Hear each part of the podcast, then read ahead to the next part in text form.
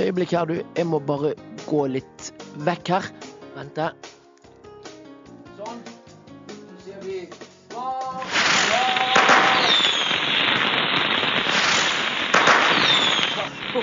Det der var svære greier. Du, da, da er jeg faktisk ja, ferdig med dette her fyrverkeriet som har lagt her og, og fristet meg, da. Og det var jo fint å bruke det til å skyte oss inn i et nytt kabbor.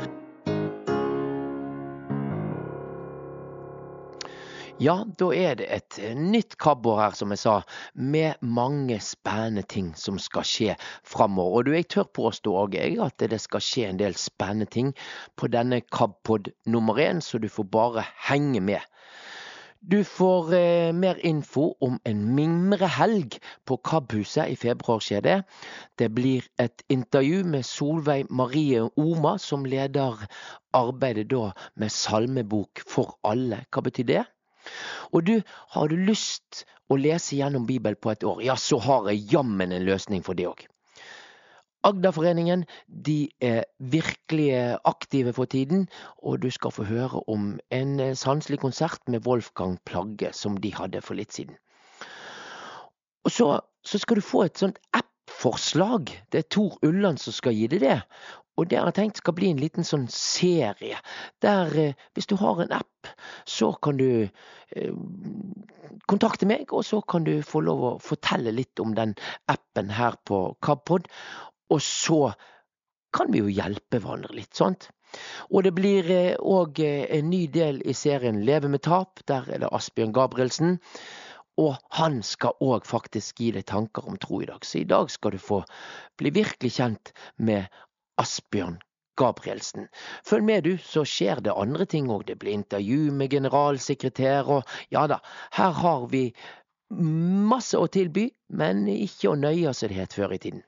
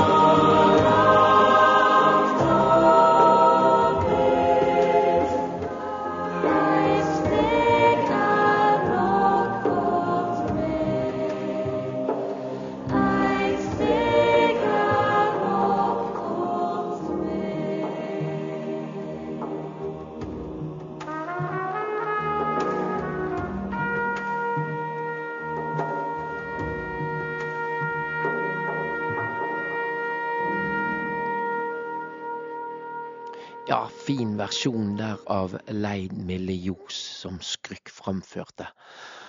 Og du, det er sikkert mange som kan både tekst og melodi på denne her. Jeg kan bare melodien, så jeg kan sitte og nynne til den. Og ja, du kjenner sikkert igjen denne der følelsen av å sitte i kirkebenken og nynne til alle sangene så du bare kan melodien på, og ikke teksten. Sitte der og kjenne på det å ikke være en del av verken sangen eller fellesskapet under gudstjenesten. Kanskje har det blitt så vanlig for deg at uh, du ikke lenger ser at det er feil, og at det er ekskluderende. Men nå, nå har KAB tenkt å gjøre noe med dette her, og det, det har resultert i en prosjektstilling der Solveig Marie Oma hun skal jobbe fram en idé der det skal bli en salmebok tilgjengelig for alle. Og Her forklarer hun hva det med en salmebok for alle, hva det menes. Det betyr at vi vil lage noe som funker for alle. For det er jo sånn at det er mange som ikke klarer å bruke den vanlige trykte salmeboka. Enten fordi man er synshemma eller har noen andre leseutfordringer eller lesehapping, eller hvilket ord man vil bruke. Så det vi vil prøve å finne på noe som faktisk fungerer. Det finnes litt forskjellige ting, men de fungerer ikke så veldig bra. Hvordan fungerer ikke det bra, da? Eh, det finnes en storskriftsalmebok, men vi får tilbakemeldinger om at skrifta ikke er stor nok for en del. Ja. Eh, det finnes en punktskriftutgave med tekst fra NLB, men den fungerer heller ikke så bra med det formatet. Og den har heller ikke noter. Ja, altså er det salmebok i punkt? Ja. det er en salmebok i punkt som NLB har laga. Men som sagt, den, den, har en del begrensninger og er mm. litt vanskelig å bruke. Hvordan begrensninger? Bare litt om det. Eh, den består av veldig mange tynne hefter. Uh, som både er litt upraktisk å ta med seg og blir lett ødelagt. Og folk sitter liksom og klipper den opp for å få det til å fungere. Og da tenker vi at det, det blir for dumt. Og så mangler den jo da musikken, da. Så finnes det en app, men den er også dessverre lite tilgjengelig og tungvint å bruke. Hvordan ser du for deg at vi skal klare å lage en salmebok som passer til både folk med dyslektikere, punktbrukere og ja, eh, folk med storskrifter som trenger storskrift? Eh, det korte svaret på det er at det går egentlig ikke an med én bok i ett format. Vi er nødt til å lage flere ting. Men det vi har tenkt, at hvis vi får til en punktutgave på papir, en storskriftutgave og en digital løsning i en eller annen form, kanskje en app, så har vi dekt veldig mye. Og kanskje særlig den appen eh, dekker veldig mange behov hvis den er godt laga. Men det er klart det er mange som sliter med å bruke en app. Sånn at det, vi kan ikke ut, Altså vi må også ha trykte ting. Det er klart. Så du ser for deg at det blir både digitale versjoner og rett og slett at man kan få en salmebok i permer med ark som man kan ta ut av når man skal på gudstjeneste? Ja, det er faktisk veldig viktig å presisere. At eh, det blir ikke bare digitalt det her. Jeg vet at eh, veldig mange eh, kanskje verken vil ha det eller klarer å bruke det. Og vi trenger rett og slett begge deler. Mm. Det, sånn er det. Og hva, hva, Det høres jo dyrt ut dette her med, å produsere en app? Ja, nå er det jo en app allerede. Eh, sånn at eh, tanken er jo tenkt, og tanken er veldig god.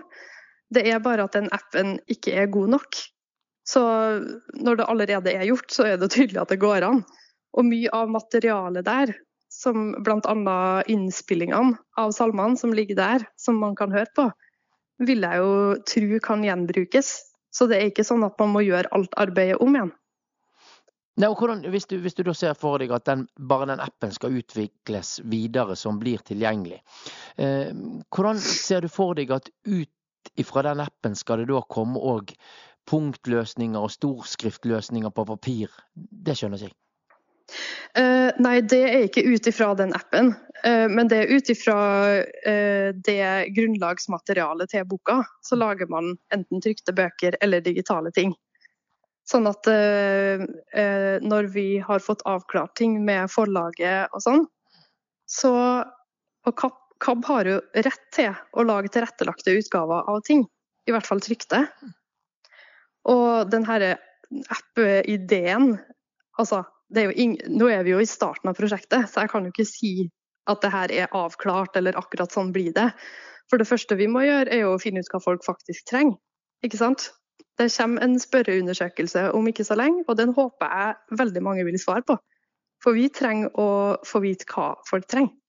Du har nettopp begynt på dette her, og liksom, hvordan, hva gjør du nå for å, for å få oversikt og få vite litt mer om hva som finnes og hva som bør gjøres? Eh, hva som finnes vet vi allerede ganske mye om. Eh, fordi jeg skrev en rapport på oppdrag fra KAB i sommer. Eh, og den beskriver ganske tydelig hva som allerede finnes og hva som ikke finnes. Så det er på en måte grunnlaget for prosjektet. Eller for å vite hvor vi skal starte hen. Og så er jo jeg utdanna organist, så jeg har jo holdt på med det her. Og vært frustrert over det sjøl ganske lenge. Hvordan har du løst det, da? lang historie. Alt fra å finne ting i gamle bøker eller på YouTube, eller konvertere sjøl med rare program og Altså virkelig alt mulig. Og, men for meg er det ekstra komplisert, da, fordi jeg også trengte koralene, altså orgelnotene. Så det, det, er rett og slett komplisert å forklare. Men jeg har fått lydopptak av lærere. Jeg har eh, eh, bare alt mulig. Fått ting lest høyt, i verste fall. Altså, ja. Mm. Så dette trengs eh, sårt for både kirkegjengere og kirke, folk som jobber i kirken? Ja, det gjør jo det. Altså, folk i Norge er jo glad i å synge salmer. Og sjøl dem som ikke går så ofte i kirka, går jo kanskje på julaften, eller kanskje de er i en begravelse til noen. Og man føler seg jo utafor når man ikke får vært med å sunge, hvis man vil det. Eller ikke får med seg teksten. Og selv om man ikke synger, så vil man jo kanskje få med seg hva de andre synger rundt. Hmm. Hva er drømmen din da i forhold til når dette vi skal få en salmebok som vi kan bruke på gudstjenestene? Uh, det her vil jo bli en gradvis prosess. Uh, alle formatene kommer ikke til å komme samtidig. Eh, men drømmen min er jo at vi har flere konkrete ting har skjedd i løpet av 2023. Og i hvert fall fram til sommeren 2024. At da bør det ha skjedd en god del. Hva slags konkrete ting har skjedd da? Nei, At vi har en punktutgave. Eh, at vi har en storskriftutgave. Det håper jeg jo at vi skal kunne få til i år, egentlig. Det, det er vanskelig å si sikkert, for det har jo med hvor raskt kirka eh, blir med, og hvor sterkt de engasjerer seg sjøl. Det er veldig gode signaler der, men det er jo vedtak som må gjøres og penger som må legges på bordet. Eh, og KAB bidrar også veldig, men det er klart vi trenger at kirka er med på det her, sånn skikkelig. Men det med app tar selvfølgelig lengre tid å utvikle. Man skal ikke være naiv med programmeringsprosjekter og tro at det går an bare på et halvt år. Og må jo, vi må jo også samle brukererfaringer nå først, sånn at vi sikrer at det vi lager faktisk fungerer for folk. Kirken de har jo ikke vært så engasjert i dette her spørsmålet eh, før. Hvordan skal vi få de til å engasjere seg mer og eventuelt legge penger på bordet? Eh, nå er de faktisk i ferd med å bli mer oppmerksom på det her uh, Ungdommens kirkemøte, der jeg også fikk gleden av å være med og jobbe med det her. De vedtok noe ganske friskt i forhold til universell utforming og tilrettelegging for alle i kirka. Og det her har Kirkerådet også fulgt opp. Og nå er det bestemt at det skal nedsettes et råd for funksjonshemma i kirka veldig sånn politiske greier, det her. Men det betyr at vi i praksis kommer til å få mye mer påvirkningskraft. Og det er klart, hvis de høyeste organene i kirka nå vedtar at vi skal tilrettelegge for alle, og så vil de ikke være med å tilrettelegge salmeboka, altså jeg tenker det blir litt vanskelig for dem å si blankt nei til etter hvert.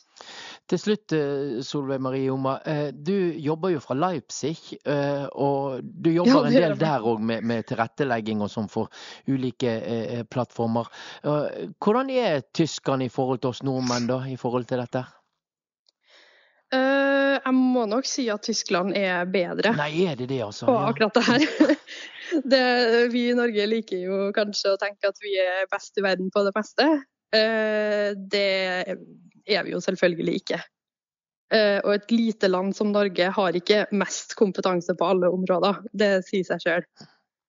her i Tyskland så har jeg opplevd å få å, å kunne sitte med notene på gudstjeneste.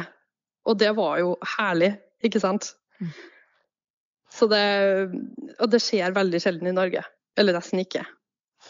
Vi kan utligne, men nå altså er det da 1-0 til Tyskland, skal vi si det sånn? Ja, per nå så er det det.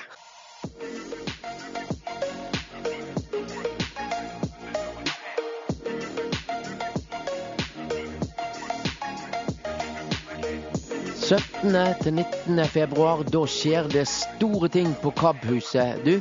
Da blir det en heidundrende reunion for deg som var ivrig i KAB sitt ganske omfattende ungdomsarbeid den gang da, altså på 80-tallet. Så nå inviteres du da, som var ung på den tiden, tilbake til en skikkelig mimrehelg. Og Eirik Skåden, han er en av arrangørene, og han er jo enig med meg når jeg eh, påstår at eh, de inviterte bør vel gå inn i den her grå gruppen med eldre ungdom etter hvert? Ja, det er, det er jo sånn at uh, det har jo blitt uh, beslutta at uh, kamphuset skulle nå selges. Og så uh, var det jo en del av oss som opp gjennom ungdommen vår hadde, hadde mye var, var, var, mye med, med i Krabbehuset. Altså, ja, rett og slett um, på masse arrangementer og uh, det, var, det, var, leirer, det var ungdomskonferanser osv. osv. Uh, og vi hadde rett og slett lyst til å ha en, uh, en gjenforeningshelg. Egentlig litt sånn etter samme oppskriften som, uh, som ungdomskonferansene var, var, i sin tid. Ja, Hva kommer til å skje da? Eh, vi kommer til å ha um, mye eh, mimring, mye lytting. Eh, nå um, har Krabb klart å, um, å, rett og slett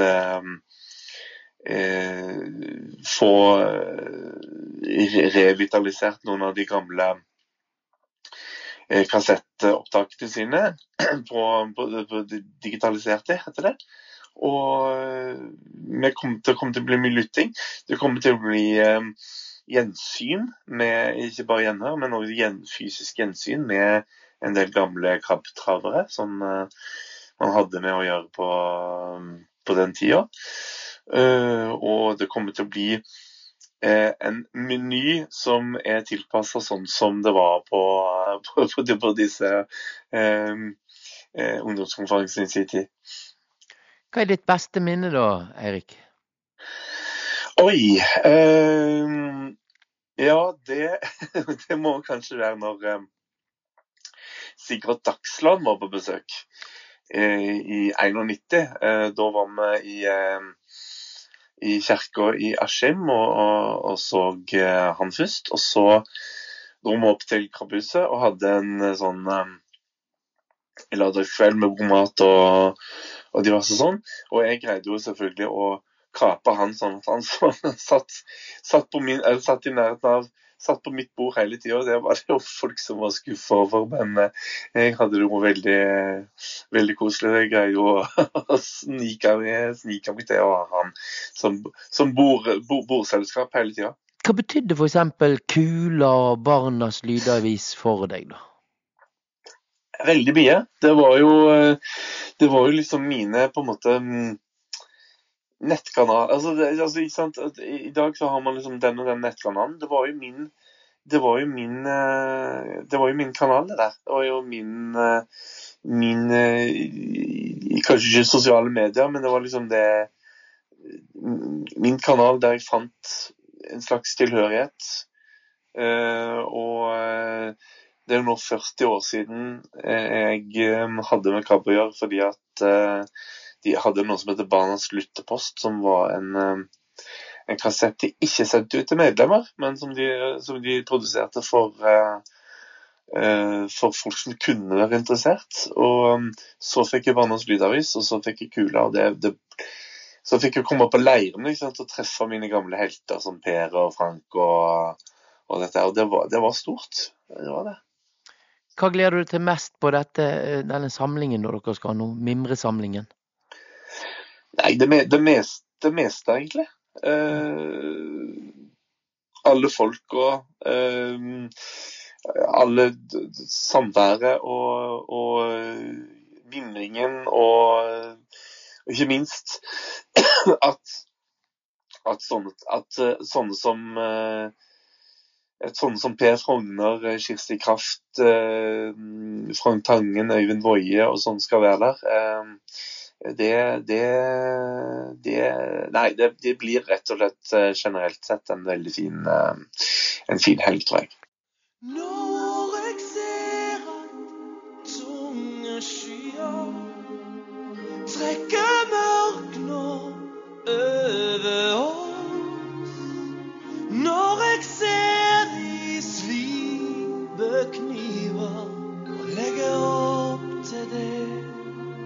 slåss, kan jeg gjøre noe med det? Kan jeg gjøre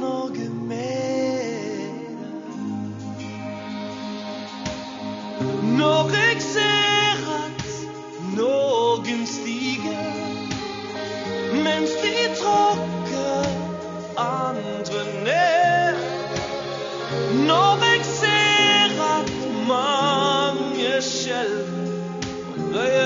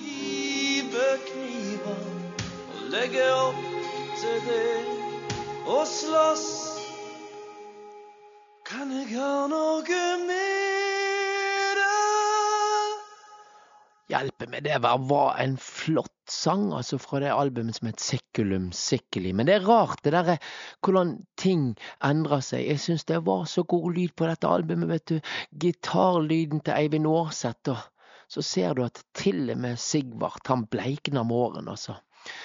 Jeg husker jo første gang jeg møtte Sigvart òg. Da var jeg eh, tenåring og i Tensinkor, A-koret i Bergen. Og vi var på turné og skulle sove Ynglingen i, i Stavanger. Og der bodde Sigvart i underetasjen. Og han kom opp og satte seg ned med piano og spilte De umulige. Hjelpe meg! Da var vi det som heter Månebedotten på bergensk, altså. Og så husker jeg han sa det at ja, hvor hvor er låter bra? Og når et Tensing-kor låter bra, du, da var det at man ropte høyt nok på de ulike stemmene. Du, vi skal holde oss litt eh, innenfor musikkens land. Vi skal til Kristiansand. Eh, for der arrangerer de tre eh, konserter i serien da Sanselig og synstolket. Og dette skjer i Kristiansand domkirke.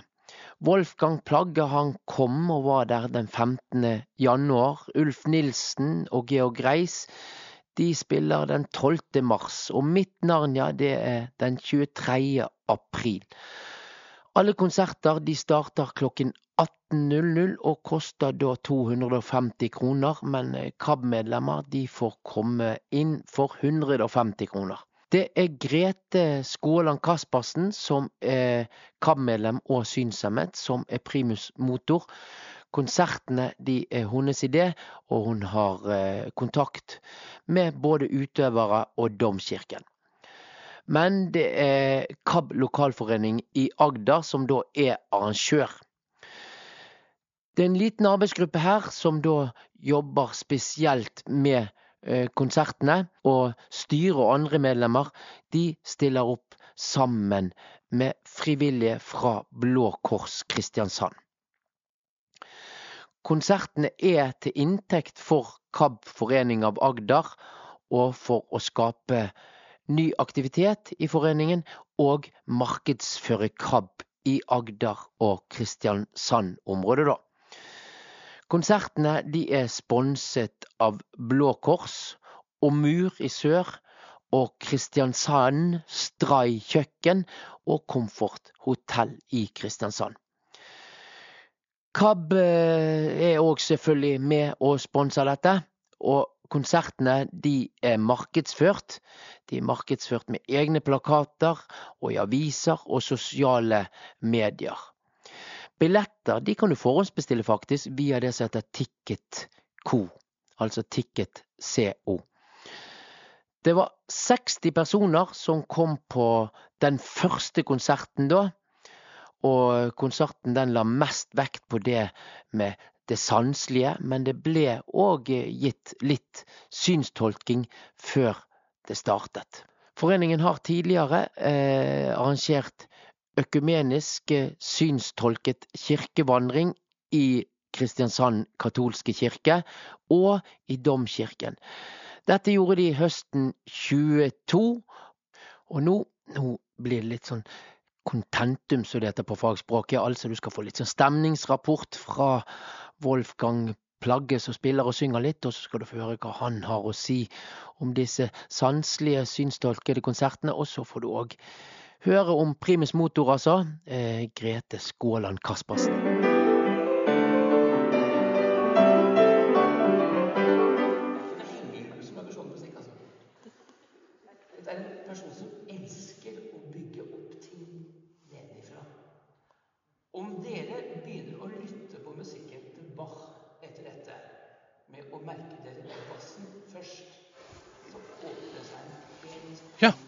Wolfgang Plagge, hva var dette for noe? Dette var en eh, for meg veldig fascinerende konsert, skråstrek foredrag, eh, happening. Hvor eh, hovedtemaet var faktisk å lytte. Å lytte innover og utover istedenfor bare å se. Og jeg er så lei av alle de eh, konsertgjengerne som sier 'Å, jeg så deg på en konsert forleden'. Nei, men jeg hørte du noe? og her er det altså mulighet faktisk å kunne få lov å fordype seg helt bevisst i det man hører. Hvorfor sa du ja til å være med på dette? Ja, fordi nettopp dette at jeg er så opptatt av at ting skal bli hørt, er viktig for meg både som utøvende og skapende kunstner. Og eh, musikken er nå det en gang det kunstspråket som når lengst inn i sjela, hvis du er åpen for det. Du er en eh, aktiv kulturutøver, musiker, holder på. Vi opplever at det er lite kultur som er tilrettelagt for mennesker med nedsatt funksjonsevne. Hva tenker du om det? Ja, det syns jeg er rystende. Og det er eh, dessverre noe jeg også har innsett sjøl etter hvert, at eh, det er veldig ofte at mennesker med forskjellige typer synshemming faktisk rett og slett overses, bokstavelig talt. Og at deres behov, ikke minst deres bidrag når det gjelder kulturelle uttrykk, ikke i altfor stor grad blir satt til side som en kuriositet. Hva kan vi gjøre med det? Rett og slett bare innse at musikken først og fremst handler om ørene. KAB har jo et initiativ her på Synstolket og sanselig. Tre konserter for første gang på denne måten. Kjempespennende. tenker du om det?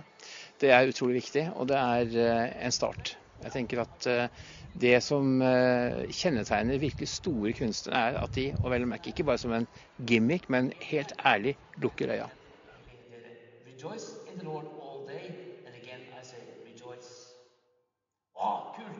Grete Skoland Caspersen, hva tenker du nå?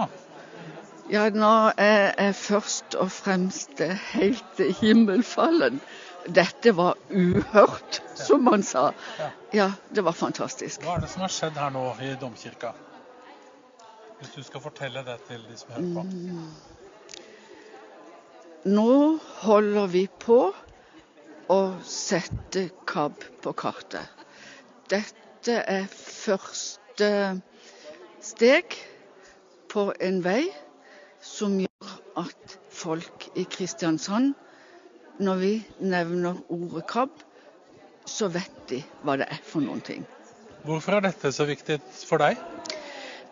Det er viktig fordi at um, jeg er litt veldig opptatt av det med utenforskap. Uh, og det å være en del av det utenforskapet, det kan være mange ting. Det kan være å være blind, eller døv eller uh, dement, uh, ha et rusproblem. Uten, uansett hva det er, så vil vi få de som er utenfor, innenfor. Og da må vi gjøre en jobb for å få det inn. Men hvordan kom du på at du skulle ha konserter i domkirka? Det er den største bygget i hele byen? Ja, det har noe med Ulf Nilsen å gjøre, faktisk. Eh, vi, eh, da vi begynte å tenke at det å holde konsert kunne være en måte å gjøre KAB kjent på, så tenkte vi ærlig talt på en litt mindre kirke. Men så hadde jeg en prat med Ulf Nilsen, og han hadde studert sammen med eh, domkantoren og var god venn med henne. Eh, og dermed så begynte den snøballen å rulle. Mm. Men eh, hva er det som har vært her i dag? Nå har vi fått Ja, først og fremst så har vi fått en opplæring i oppbygging av musikk. Eh, kirkemusikk. Eh, og så håper vi også at det, noe av det som har skjedd, er at eh, flere har fått øynene opp for KAB. Fått øynene opp, ja. så I dag så var det Wolfgang Plagge. og mm. Hva er neste planene nå? For du, dere gir dere jo ikke her. Nei, nei, nei. Nå er neste uh, Ulf Nilsen og Georg Reis. Da blir det en helt annen musikkform. musikkform. Og etterpå det så er det mitt Narnia. Da er det jo litt mer ungdomslig igjen, tenker jeg. Så når alle de tre konsertene er unnagjort, så håper vi å ha fått nådd folk som eh, liker klassisk musikk, folk som liker det litt lettere, og folk som har en mer yngre tilnærming. Så da har vi, eh, tror vi, nådd veldig mange. Hvordan føler du det akkurat nå? Nå er jeg litt skjelven i knærne. Og så er jeg veldig glad. Eh, Wolfgang gjorde en kjempeinnsats. Og jeg tror at de som har vært her nå, har fått litt å tenke på. Og at de også er ganske glad.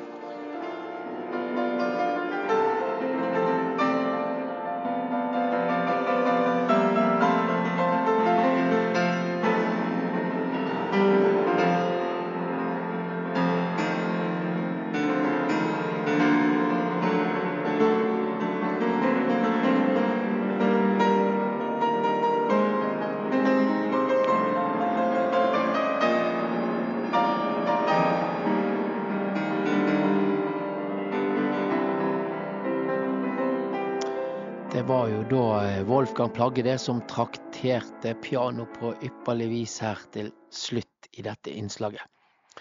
Du, apper det er jo noe som vi bruker mye i hverdagen nå for tiden, sant? Eh, både når vi skal betale blussbilletten, når vi skal reise med tog, så må vi bestille billett på app. Når vi skal høre på podkaster, når vi skal lese bøker. Det meste skjer eh, i forhold til apper nå. Og jeg har tenkt at vi må hjelpe hverandre litt og finne fram til apper som kan gjøre hverdagen både bedre og kanskje litt mer spennende òg. Ja, hvem vet? Så det jeg tenker skjer da, er at du skal få lov å presentere en app som betyr mye for deg, hvis du har en sånn app. og så kan vi andre bli litt klokere. Så hvis du har en app og har lyst til å presentere den her på KABpod, så må du sende mail til meg. kurt.meland.alfakrøllkab.no. Så skal vi ta gjøre et opptak med den appen. Først ut er nå da datagiganten Tor Ulland. Og han eh, brukte litt tid før han bestemte seg for hvilken app han skulle presentere. Eh, jeg har jo tenkt på forskjellige apper, for det finnes jo en del apper som er spesielt eh, laga for synshemma. Men jeg kom fram til at jeg vil presentere en app som er generell.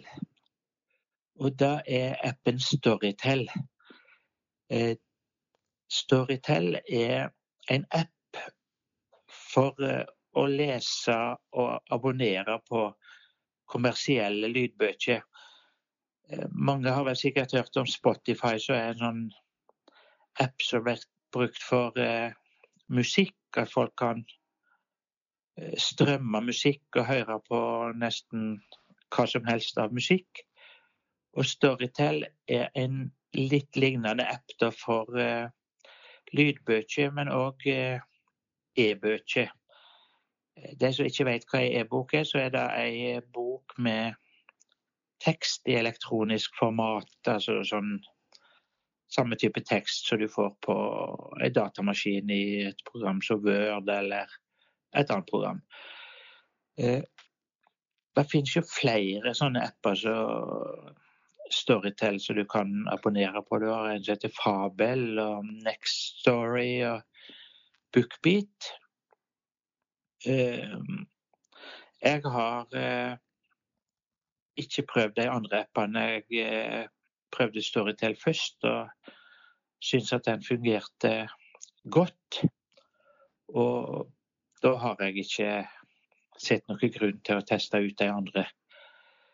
Eh, vi kan jo lure på hvorfor en skal ha en app for å abonnere på og betale for å lese lydbøker når vi har Norsk lyd- og blindeskriftbibliotek og KAB. Eh, grunnen til at jeg begynte med det, var at eh, i veldig mange år så har jeg i tillegg til å lese norske lydbøker òg lånt lydbøker fra det svenske søsterbiblioteket til NLB, som nå heter Myndigheten for tilgjengelige medier.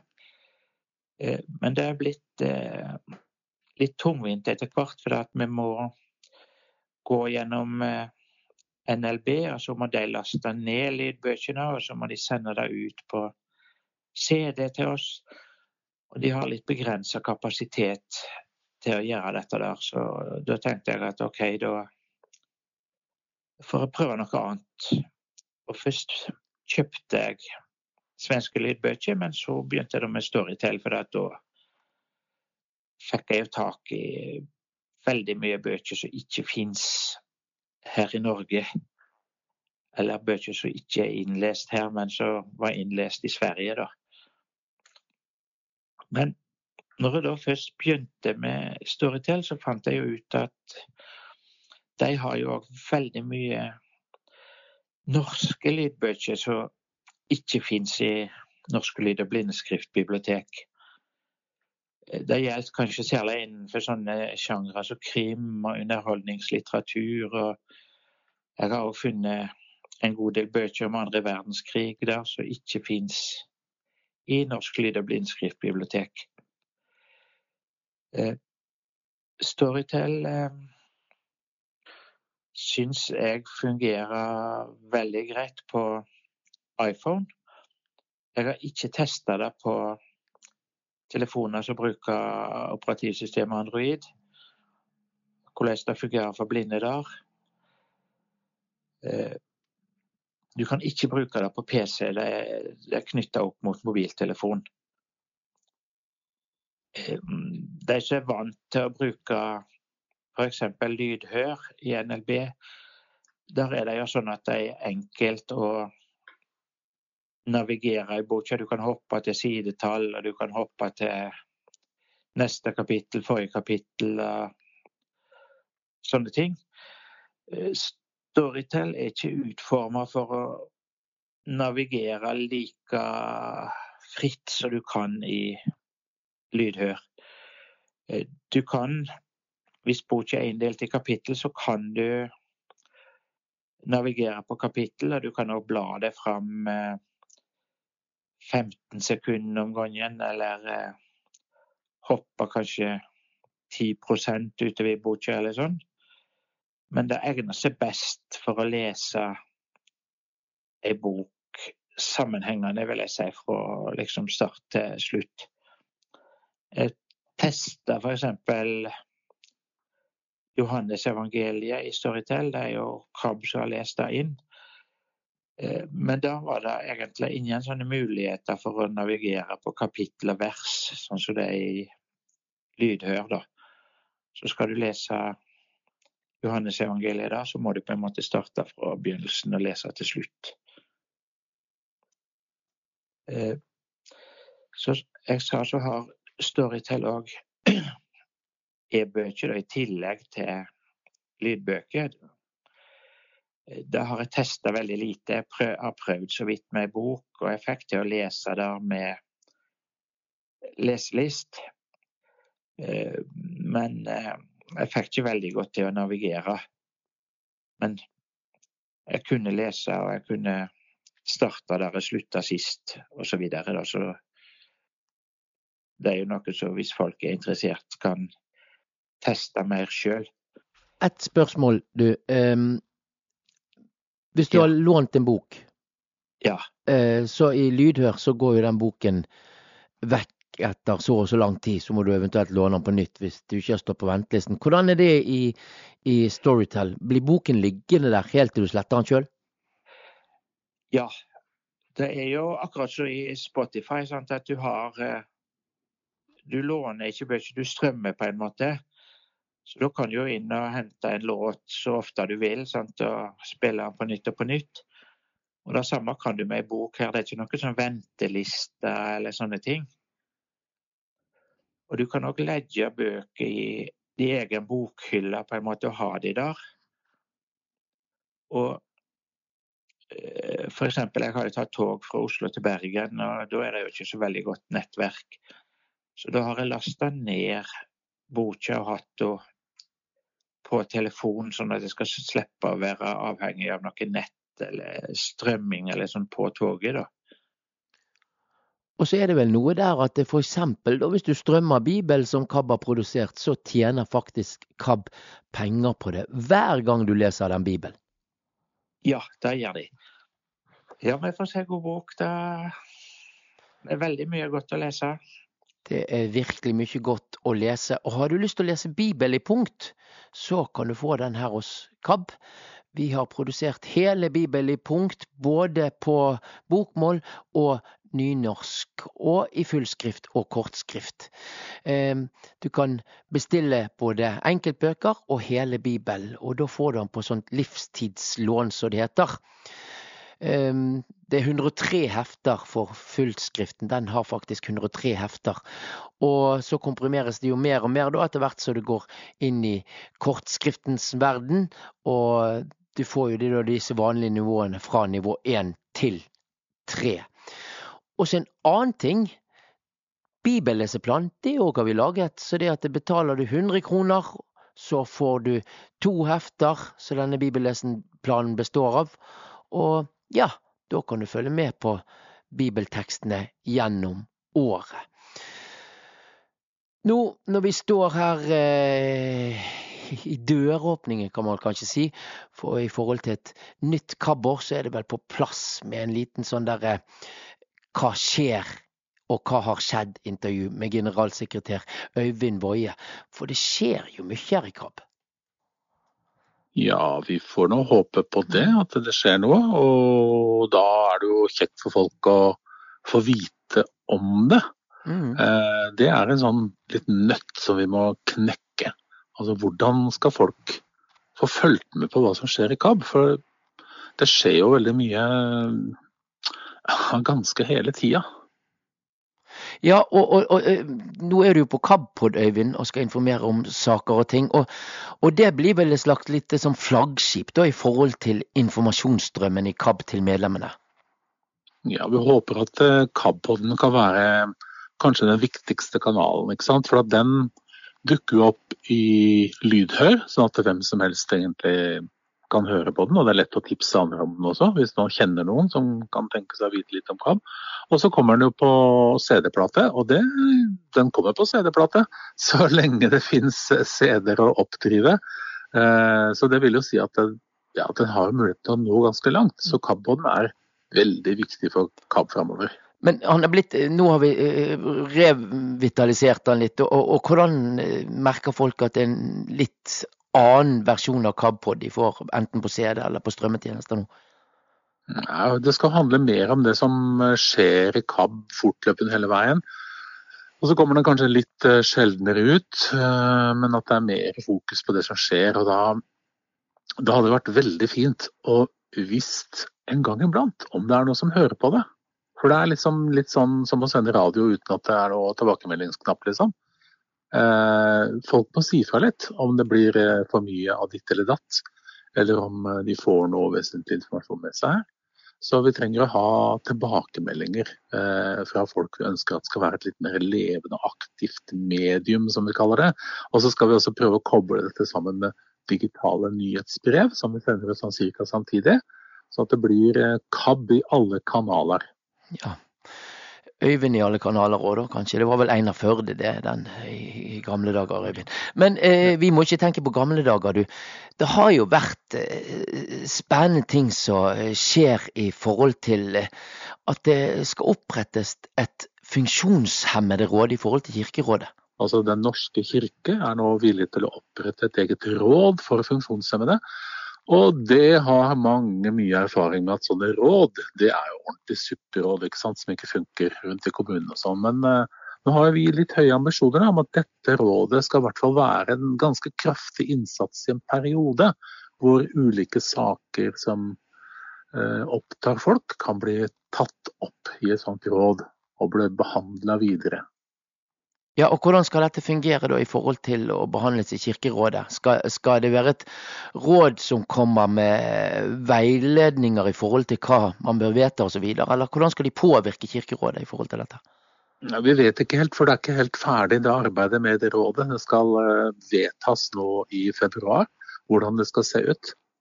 Og det vi vet er at uh, vi i KAB har fått være med å påvirke veldig mye. Vi har jo hatt en lang prosess på det her.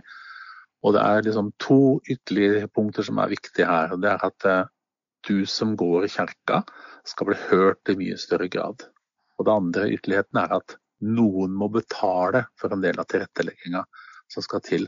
Og det vil bli kjørt gjennom et sånt råd. Så et sånt råd skal jo behandle ulike saker. Det kan være salmebok f.eks., eller tilrettelegging av eh, ramper eller lys i kirker.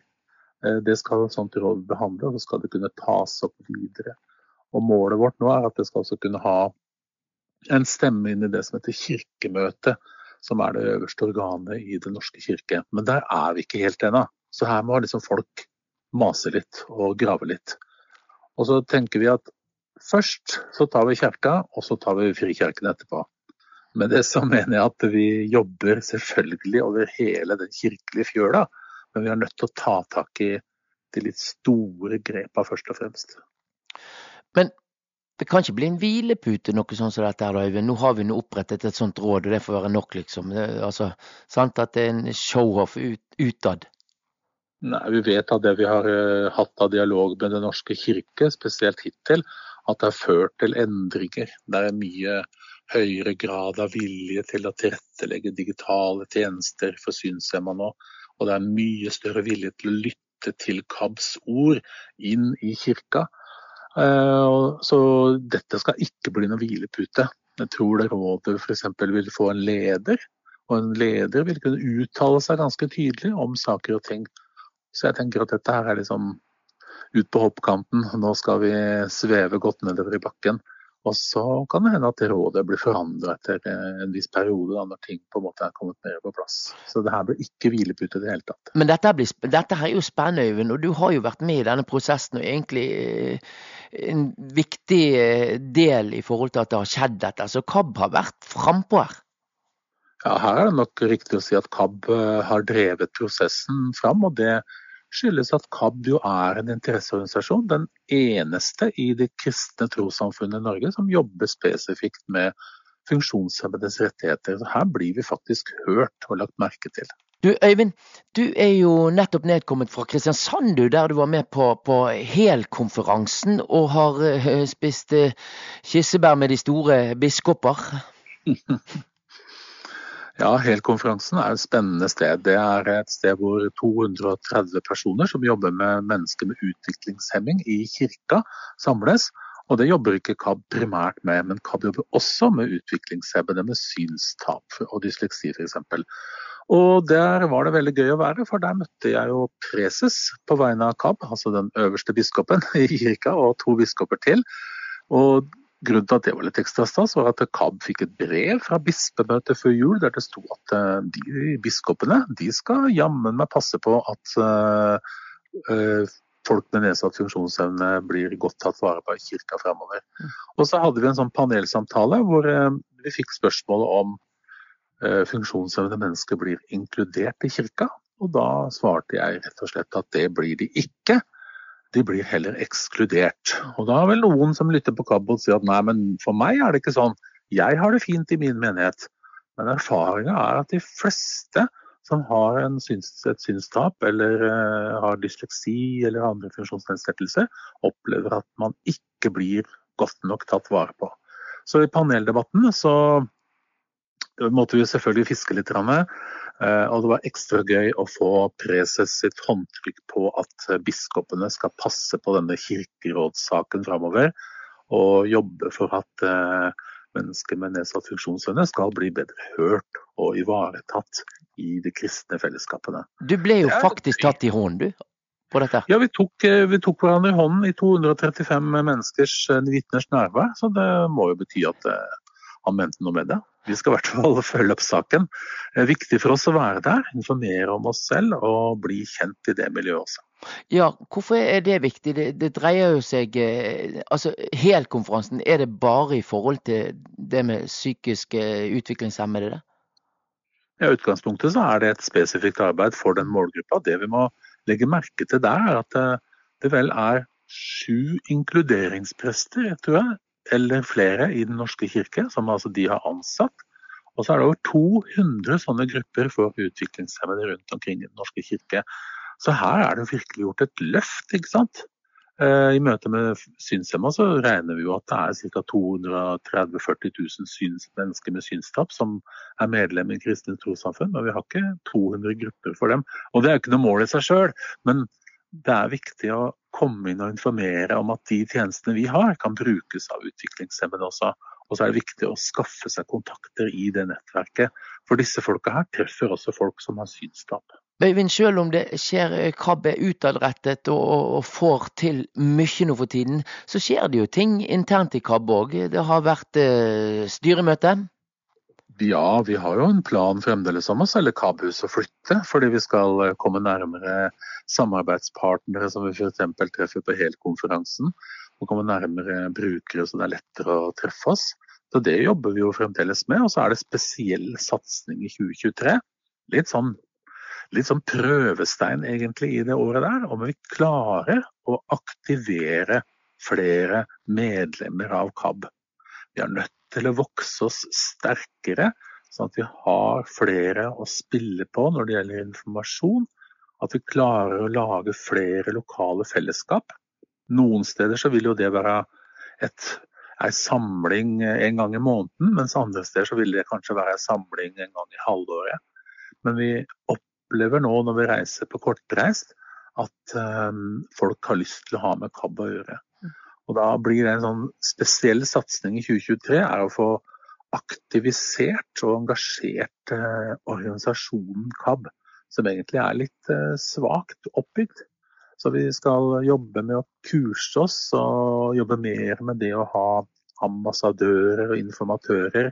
Mer med det som handler om likepersonsarbeid. Så hvis det er noen som hører på det her nå, som har lyst til å være med på det, så må du ta kontakt med meg. For løpet av vårparten og høsten så blir det flere lokale kurs. Hvis ikke vi klarer å få opp medlemstallet litt høyere, så tror jeg vi må sette i verk noen tiltak. For vi har ikke flere medlemmer enn det vi trenger. Altså, vi har vel knapt 600 medlemmer i dag. Altså, vi har flere brukere, da. Men flere burde også vært medlemmer. Og så må vi jobbe spesielt i 2023 også med å bli bedre til å tenke mer på tvers. Det er sånn nå at eh, Halvparten av de som bruker KABs tilbud, de er ikke synshemma, de er dyslektikere. Og dyslektikere er helt likeverdige i KABs organisasjon. De har de samme rettighetene som synshemma. Og dyslektikere og synshemma har veldig mye å lære av hverandre, og veldig mye av felles opplevelser og erfaringer. Så 2023 er litt sånn indremedisinsk eh, år hvor vi fortsetter å bygge og utvikle organisasjonen. Det er kjempeviktig. Så Vi kan jo sende en appell her, Øyvind. at eh, Er det folk som sitter og, og har vært medlem og kanskje ikke har eh, gjort noe med det på en stund, så får de ta ring og få en liten kontingent i posten. Og så blir det enda flere betalende medlemmer i KAB. Det syns jeg vi skal støtte. Det koster 125 kroner, så det er ikke spesielt dyrt. Men det skal også jobbes nå med å utvikle flere medlemskapstjenester som gjør at folk føler seg mer ivaretatt, og at det ligger mer i medlemskapet enn bare å betale kontingenten. Så dette ser vi på noe som et spennende prosjekt og et spennende initiativ som er satt i gang. Så til folk som uh, tenker at dette kan jeg være med på, eller her kan jeg bidra på en eller annen måte, ta kontakt. Vi må ha litt hva som skjer framover, hva vi kan være med og, og, og nyte av KAB sine arrangementer, Øyvind, og aktiviteter. For det første så har vi disse flotte lokalforeningene våre som holder på med sitt. Det finnes jo et miljø i, i Oslo, et miljø i Kristiansand og et i Stavanger. De skal nå ha årsmøter i løpet av våren, og da kan det være viktig å ta seg en tur der. Fordi det er jo der man påvirker på hvordan foreningen eller lokallaget skal utvikle seg. Og Vi ser f.eks. i Kristiansand at de har gjort spennende ting. I vår så har de, hatt, de har allerede hatt en konsert med Wolfgang Klagge som vi kanskje får høre litt mer om her på Kabbo. Og så skal de ha en konsert med Ulf Nilsen og en som heter Georg Reis. Og ute i april så skal de også ha besøk av Milton Arenia. De lager altså konserter eh, hvor folk treffes og møtes på. Så disse arrangementene som er knytta til lokalforeninger kan være viktige å delta på. Så skal vi ha en gøyal samling her på Kabus i Askim ute i februar. Vi skal ha en såkalt reunion for gamlis-ungdommer i KAB. Altså folk som har vært med i ungdomsarbeidet 17.-19. februar. Det er skikkelig spennende. Og så skal vi ha noe gøyalt. Du er glad i musikk, er du ikke det, Kurt? Mm. I mars, 10. mars da har vi tenkt å invitere folk som er glad i å synge, til å være med på Gospel Explosion Festival. Da har vi ti plasser, og så tar vi med ti ledsagere. Så hvis du har lyst til å være med på det, ta kontakt med KAB. Enten du synger gospel, eller du har lyst til å lære å synge gospel. For det er de aller beste instruktørene på gospel som eh, kommer, rett og slett. Og så kommer det organisasjonskurset litt ut på forsommeren. Vi har ikke akkurat landa det ennå. Men før der så har vi også en plan om å ha korte, disse kortreisearrangementene våre i eh, Oslo. Eh, det skal være i mars, mener jeg. Og så skal vi ha et ute i april da, som er knytta til den Narnia-forestillingen. Uh, det skal være i Kristiansand, og da har vi liksom gjort runden der. Og så er det planlagt for de som har lyst til å bevege føttene og gå på pilegrimsvandring. En pilegrimsvandring i sommer fra et lite stykke inn i Sverige og helt til Nidarosdomen. Fra 22.07 er den planlagt. Der eh, må du kunne gå opp til eh, ja, to mil i løpet av en dag. Så her holder det ikke bare å kunne gå til postkassa, altså. Her må du legge deg i hardtrening. Ta kontakt og meld deg på hvis du har lyst til å være med på noe.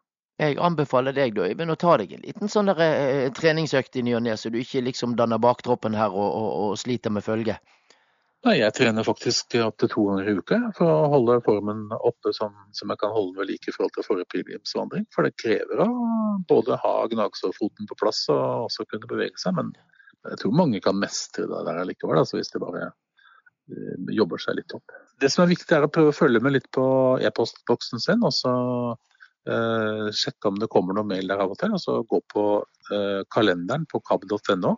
Den skal også oppdateres, sånn at det er mulig å se hva som skjer. Og hvis, hvis, eh, hvis, det er vrient, så er det veldig realt, syns jeg, hvis folk sier fra. At eh, ja, jeg skjønner meg ikke på mail eller på digitale nettsteder. Jeg må ha informasjon på en annen måte. Det er det litt viktig å si fra om. ikke sant? Mm. At folk sier fra, i hvert fall. Så ikke man sitter og tenker at ja, ja, det er ikke noe for meg, for jeg er ikke digital nok. Det var Øyvind Woie, det. Og vi har litt mer info her, fordi at det, eh, det skal være årsmøte i KAB Agder lokalforening. og Det skjer den 2. mars 23. Og møtet det holdes i peisestuen i Lunde menighetshus i Kristiansand. Og adressen der er Marviksveien 5. Det blir årsmøte, saker og besøk av eh, KABs generalsekretær, som snakket her i sted, Øyvind Woie. Og medlemmer og alle som er glad i KAB, er velkommen, står det her. Og medlemmer har da altså stemmerett, og medlemskap det kan tegnes altså på møte. Så hjertelig velkommen til den. Nettmøter, det har eh, blitt en liten sånn tradisjon her i KAB. Vi startet jo i begynnelsen av, av, koronaperioden, men fortsetter fortsatt. Og det skal vi gjøre videre. Og den som har fått i oppgave å farge disse blanke nettmøtearkene, det er Frank Tangen. Ja, vi startet jo med nettmøter og kurs i koronatida. Nå er jo det verste over når det gjelder eh, pandemien, ja. men vi fortsetter likevel fordi folk eh, møter opp. Eh, tilbudet forandrer seg litt underveis. Men hvis jeg skal si litt om hva som skjer nå fram til sommeren, da. Sånn i korte trekk så har vi jo én serie som vi kaller 'Velkommen til min verden', og som, hvor vi får gjenhør med personer som har vært med i en podkastserie som bl.a. du, Kurt Ove, har vært involvert i å lage. Onsdagen etter så er det årets første tekstverksted. Det er det Hilde, diakonen vår, som står for. Tirsdagen etter, tirsdag 31. Eh, og da er det Kjartan Bergslid, som enkelte vil eh, kjenne som pilegrimsprest, som eh, går gjennom teksten for førstkommende søndag. Og så går det videre slik at hver Første og tredje søndag i måneden så er det lunsj med diakonen på tirsdagene klokka 13. Eh, ofte med en sånn ekstra gjest. Eh, siste onsdag i måneden så er det eh, Siste tirsdag i måneden så er det tekstverksteder. Og så innimellom så kommer disse andre samlingene, da. F.eks. så har jo du, Kurt, da allerede 8. februar igjen en uh, ny gjest hos deg. Vet du hvem det er ennå? Det vet jeg dessverre ikke hvem er ennå. Nei, vi, vi røper ikke det. så ute i februar, om alt går etter planen, så kommer det tre kurs eller foredragskvelder med to ukers mellomrom om uh, diskriminering og likestilling. Der får vi hjelp fra Likestillingsombudet som eh, skal eh, bidra med å holde de kurskveldene. Mm. Og det blir foredrag som det går an å bare høre på hvis man vil det, men også mulighet for samtale. Og så, ja. ja hva, hva, eh, diskriminering og likestilling, hva, hva, tenker dere å fokusere på der? Hva er diskriminering, og hva er likestilling, eller hva, hva, hva, tenker du med det? Nå stiller du skikkelig avanserte spørsmål til meg her. Men vi vil altså spesielt se på det som uh, handler om diskriminering pga. En funksjonsnedsettelse. Uh, og vi har også bedt om at en av kveldene blir viet spesielt til det som gjelder diskriminering eller ekskludering i kirker og trossamfunn. Så det kan bli et ganske spennende kurs. Vi har ikke lagt ut detaljene der ennå. Det kommer etter hvert som vi får opplegget fra Likestillingsombudet. For diskriminering det er jo et sterkt ord, så kanskje litt sånn skummelt å ta i sin munn og kalle noe for at de har diskriminert deg? Ja, men kanskje vi litt oftere skulle våge det. Og kanskje noen flere også av de som uh, følger våre kurs og nettsamlinger, Ehm, skulle våge å klage når man faktisk er utsatt for noe som er diskriminering, eller som er lovbrudd. ikke sant? Mm. Noen av de enkleste eksemplene er jo sånt som å bli nektet adgang med førerhund på en restaurant eller i en butikk. Mm. Ehm, men det finnes jo et vell av andre eksempler, også fra kirkelige sammenhenger. Og det er jo noe av det vi vil eh, diskutere her. Eh, på dette kurset er det f.eks. diskriminering når eh, eh, et menneske med nedsatt syn ikke har tilgang på en salmebok i kirken i et format som vedkommende kan bruke. Er det diskriminering, Frank? Hva tenker du? Jeg tenker det er diskriminering. Spennende ting, Frank. Dette ja. Her er jo virkelig, virkelig ting som vi kan dra nytte av å lære og høre på. Ja. Og så får vi en, eh, holdt på å si, et gjenhør, sannsynligvis eh, etter påske, med Marie Farstad, som noen vil huske da vi hadde en samling med temaet skam. Mm. Eh, hun er prest i Nidarosdomen og terapeut, og har både skrevet flere bøker og, og holder, holder kurs. Eh, så etter planen så blir det tre kvelder med henne etter påske. Eh, hvor vi vil snakke om eh, dette med sorgen over å oppleve et tap. Enten det er en person eller det er at man på en måte mister funksjon.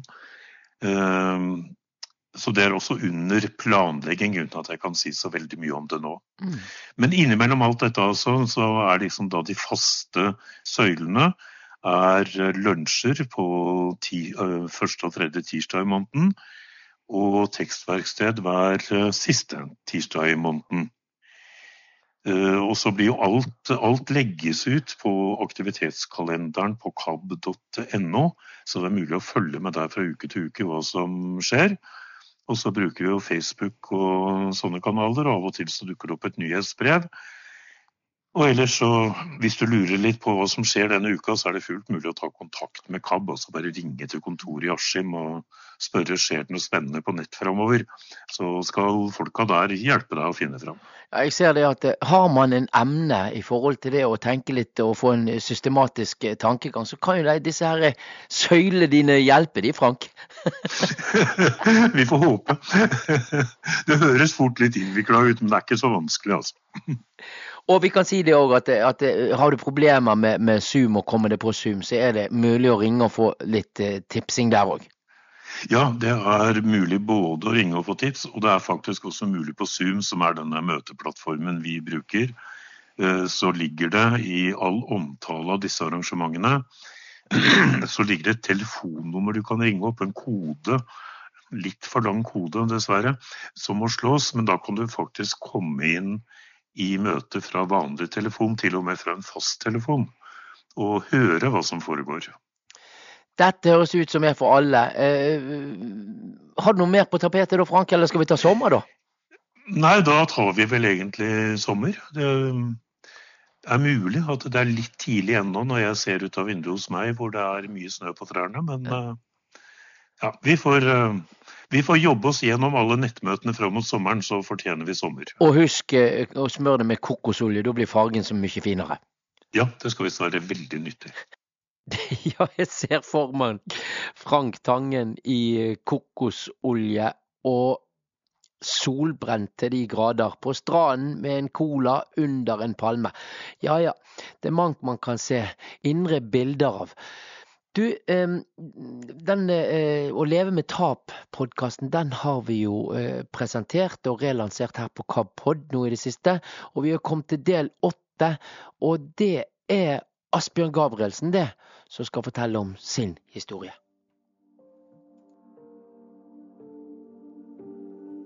Asbjørn Gabrielsen han ble født med dårlig syn, og etter hvert konstaterte legene at det var kreft i begge øynene. Etter planen så skulle jeg ha glassøyne. Eh, jeg skulle til Rikshospitalet i, i eh, Oslo, og så skulle jeg operere ut øynene. Men når den dagen kom, så var det ikke helt det som skjedde. Øynene de fikk han beholde, men han eh, så fortsatt dårlig.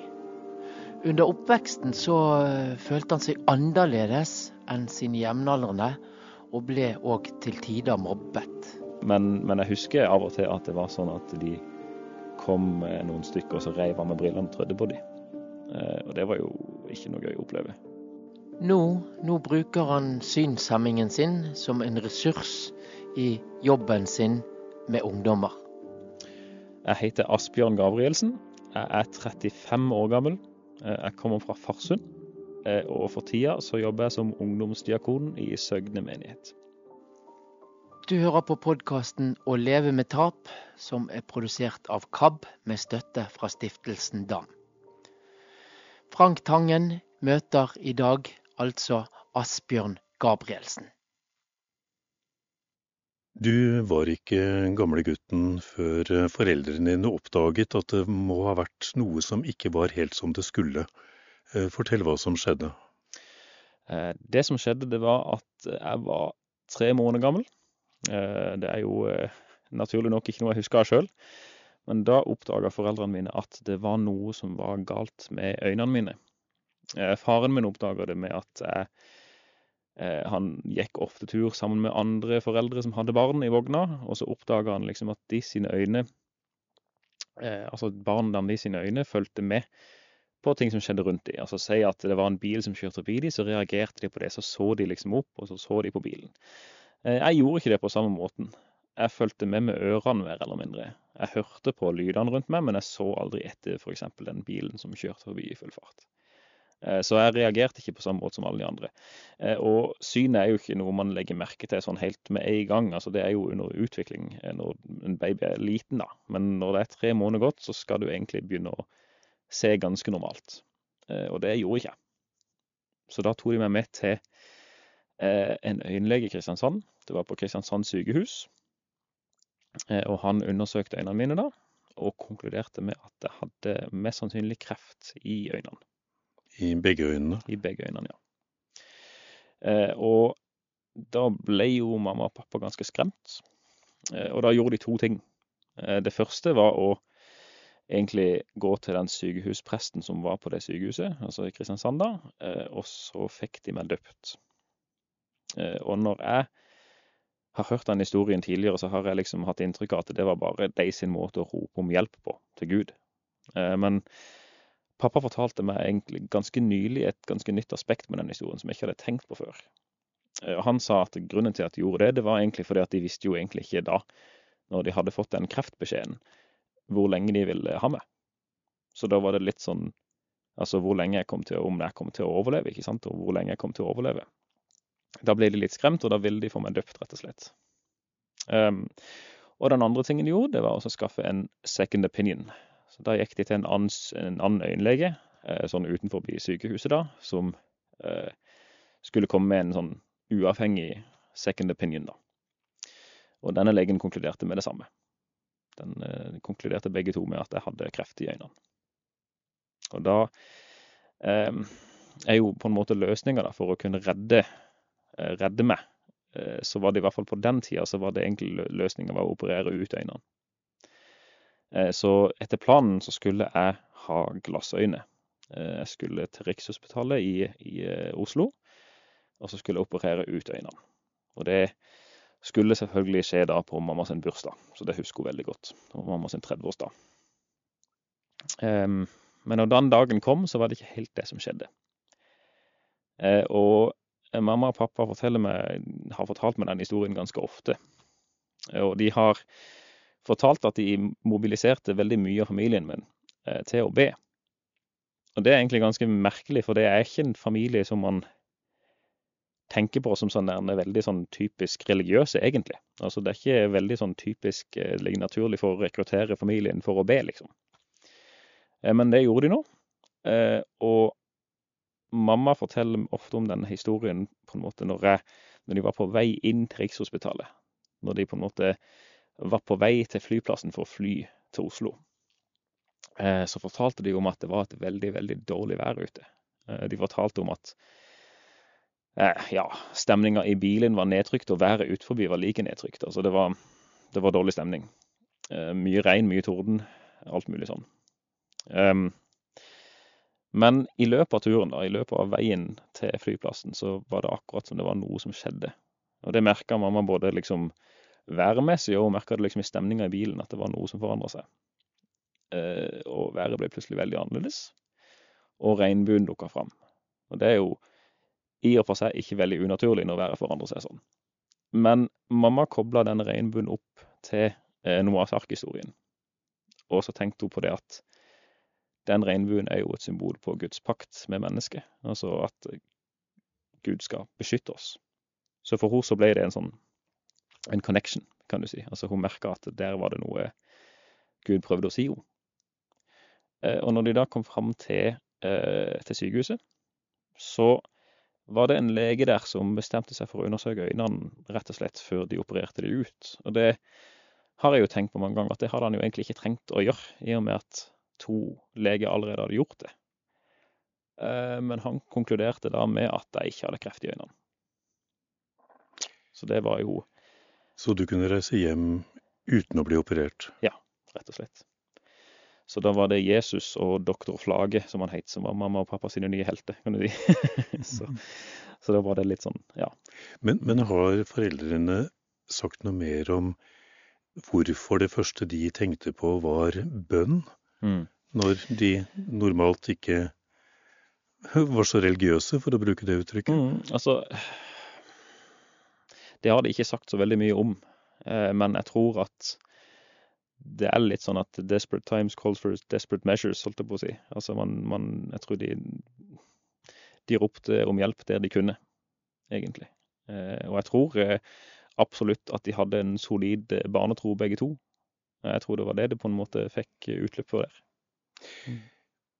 Men når det da viste at eh, du kommer til Rikshospitalet, og du har ikke kreft i øynene, til tross for at to leger har konstatert at det hadde du, var det en helbredelse? Var det bønnhørelse?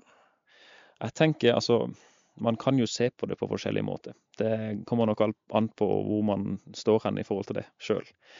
Jeg tenker uansett at det var en bønnhørelse. Men man kan se på det som en tilfeldighet. Man kan se for seg at denne her legen bare visste bedre enn de andre. At han skjønte hva det var for noe. Og strengt tatt, det jeg har, kan minne om kreft. Altså, det kan se ut som en, en kreftsvulst. Eh, så det er ikke så Man kan tenke seg at de andre to legene tok feil. Samtidig så eh, tenker jeg jo at hvis ikke den legen hadde faktisk tatt den kikken på øynene mine, så hadde jeg jo vært blind i dag. Det det i seg sjøl er en ganske sånn stor Ja, stor sånn hva skal jeg si, gudfeldighet. Eh, når det er en lege på en måte som ikke nødvendigvis trenger å kikke på øynene mine, som tilfeldigvis skjønner hva det er for noe, og jeg da slipper å, å miste synet. Eh, jeg har jo lite syn, men jeg, har, jeg, har, jeg er ikke blind, og det er en ganske stor forskjell på det. Um, så eh, det går an å se på det på alle måter. Altså, det går an å tenke seg at det var en helbredelse. Det går an å tenke seg at uh, Gud leder denne, akkurat den legen til å se på meg før det var for seint. Og det går an å tenke seg at det var helt tilfeldig. Jeg får jo lyst til å innvende at hvis Gud først var blandet inn i dette, så kunne han jo da like gjerne ha gitt deg synet. Ja, nettopp det. Og det har jeg, det har jeg stilt spørsmål med mange ganger sjøl. Men samtidig så kan man tenke det at Altså, det er liksom det at man kan være bitter for det man kanskje kunne ha tapt, eller har tapt, men samtidig så kan man òg være takknemlig for det man faktisk har. Altså, og jeg har jo faktisk Jeg ser noe, og jeg kunne vært helt blind. Eh, og altså si at det hadde vært en helbredelse inni bildet, så er jeg jo enig med det. Så skulle en jo tro at han hadde helbreda hele synet mitt. Men samtidig, det, det er litt for, for, mye for meg å tenke at den legen eh, det var tilfeldig.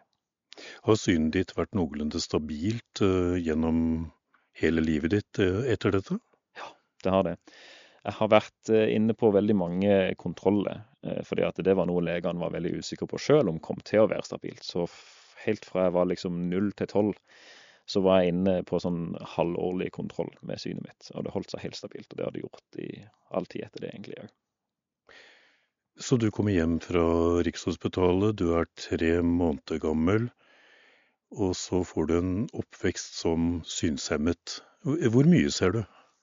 Jeg ser eh, Altså hvis den, den letteste måten å forklare det på, Eh, det er å si at hvis en normal person ser et skilt fra 60 meters avstand, si et normalt veiskilt eller et stoppskilt eller hva som helst, eh, så må jeg stå på tre meters avstand for å se det likt som de.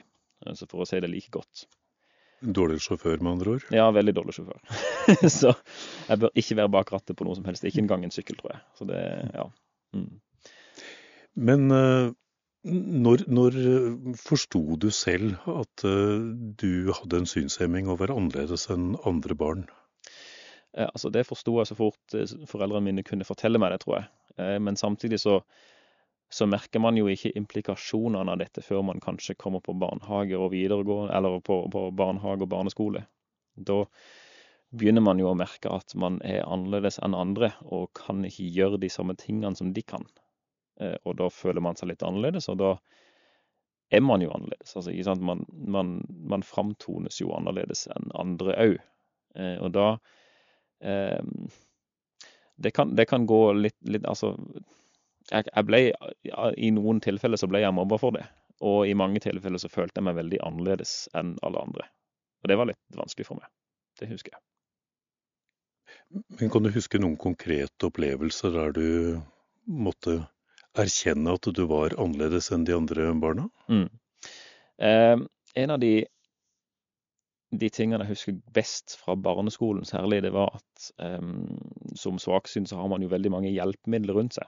Og det er jo en god ting. Eh, det gjør jo at man faktisk kan klare skolen eh, og kan følge med eh, på det de andre følger med på. Samtidig så er det litt vanskelig når du sitter i en sånn, nesten en sånn ring av pulter med forskjellige hjelpemidler og føler deg litt sånn ekskludert for alle de andre som sitter på en måte to og to sammen, pult i pult, liksom.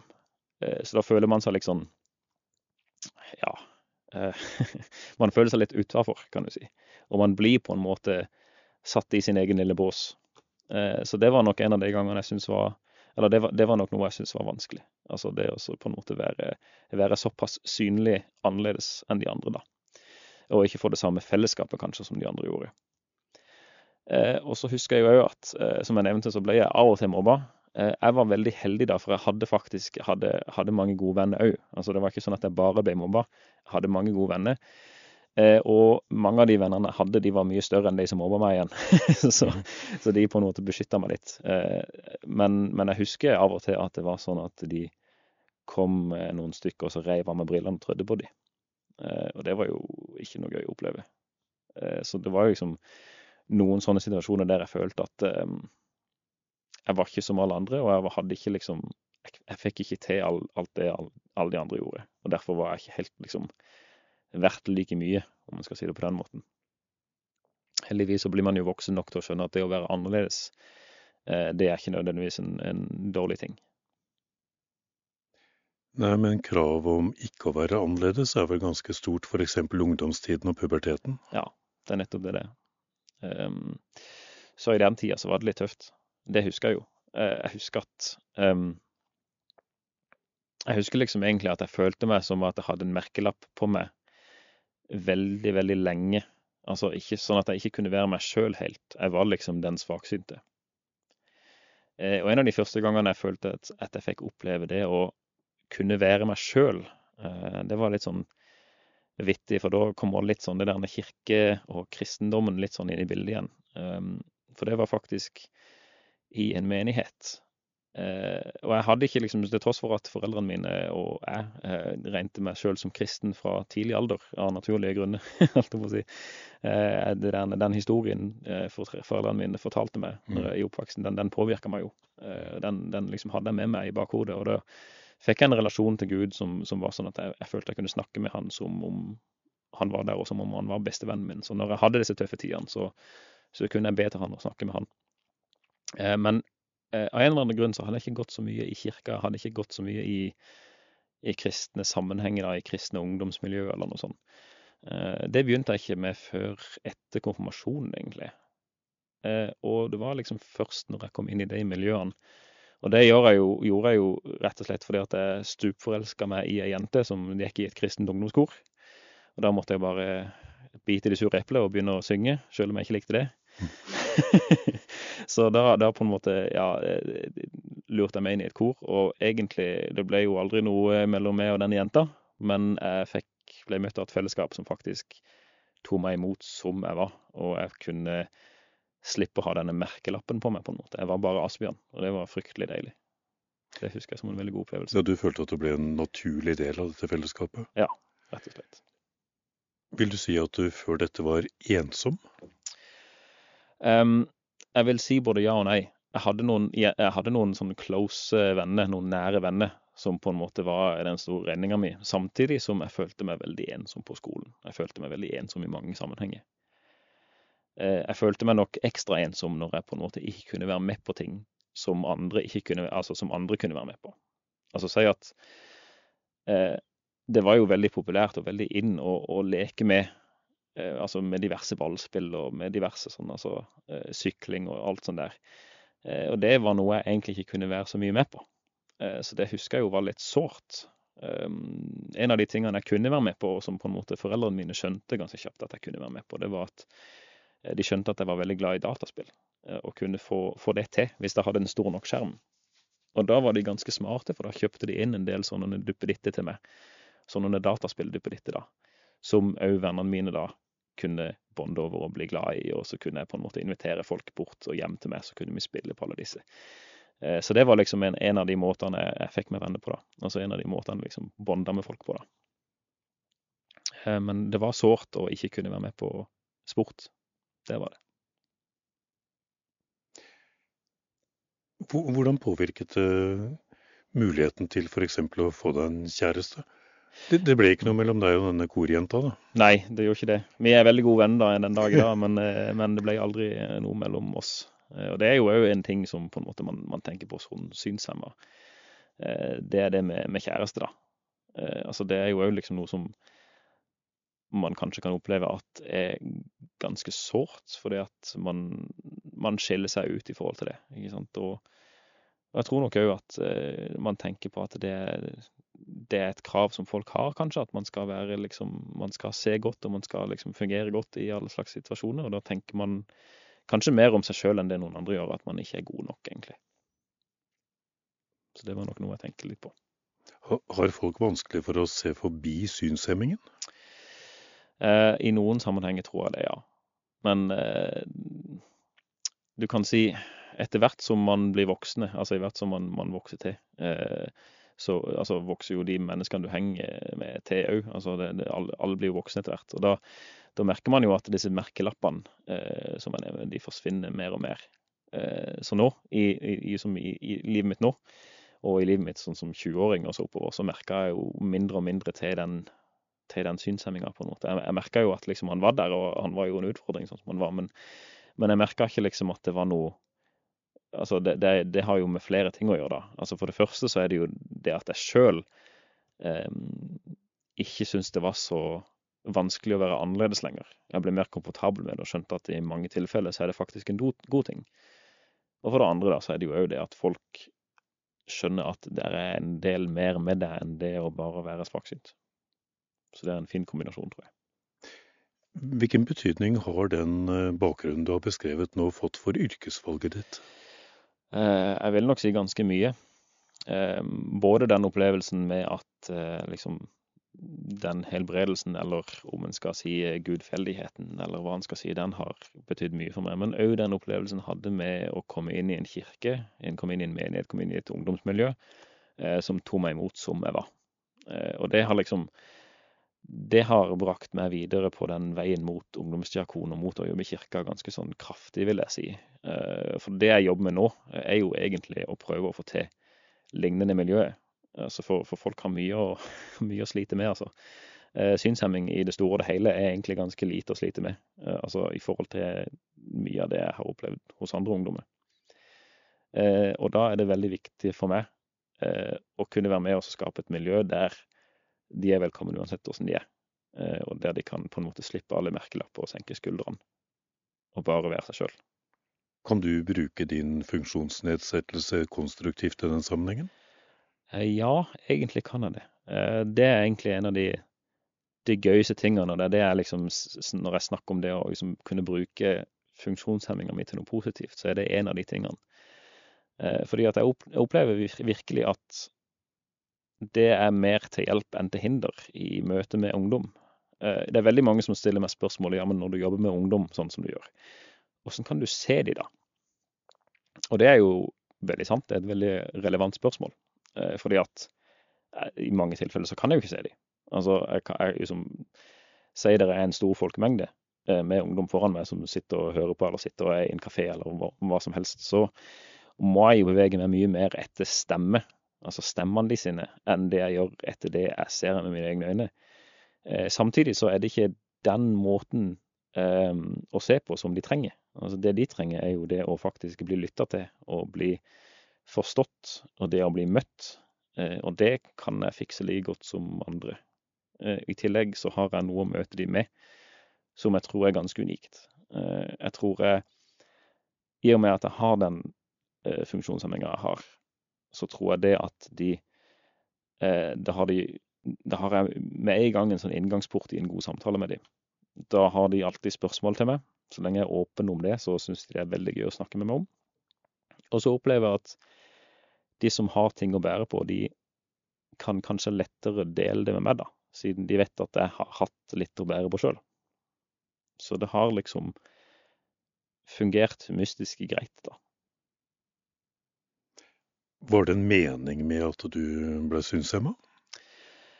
Jeg tror ikke sjøl at det er sånn at um, hva skal jeg si, Gud ønsker at noen skal være funksjonshemma, eller noen skal være syke. Jeg tror heller det er sånn at når Gud eh, Når det først er sånn, så kan Gud gjøre det beste ut av det hvis du legger det i hans hender. Eh, jeg tror liksom at han har hjulpet meg til å finne en greie som faktisk fungerer for meg, og gjort noe helt unikt på bakgrunn av det som egentlig er vondt. Eh, og det er ikke det samme som å si at det er en mening med det. Det er det ikke. Men jeg tror det er bare rett og slett det at Gud er en kløpper til å gjøre noe, gjøre noe med noe som egentlig er vondt. Altså kunne bruke det til noe. Vi har så vidt vært inne på dette med helbredelse. Og det er jo et spørsmål som er eh, veldig vanskelig for mange som har en funksjonsnedsettelse, og som også mm. er nokså omstridt, kan du si, innenfor kirkelige teologiske kretser. Ja. Eh, da du skulle ta din eh, master i teologi, så skrev du masteroppgaven om helbredelse. Ja. Og der skriver du også ganske mye om dine egne erfaringer. Ja, jeg gjør det. Og mye av det som trigger det Jeg husker faktisk veldig godt at min, min, altså min veileder i master, masterstudiet, han anbefalte alle sammen å liksom, gå for noe som enten engasjerte eller provoserte når det gjaldt problemstilling.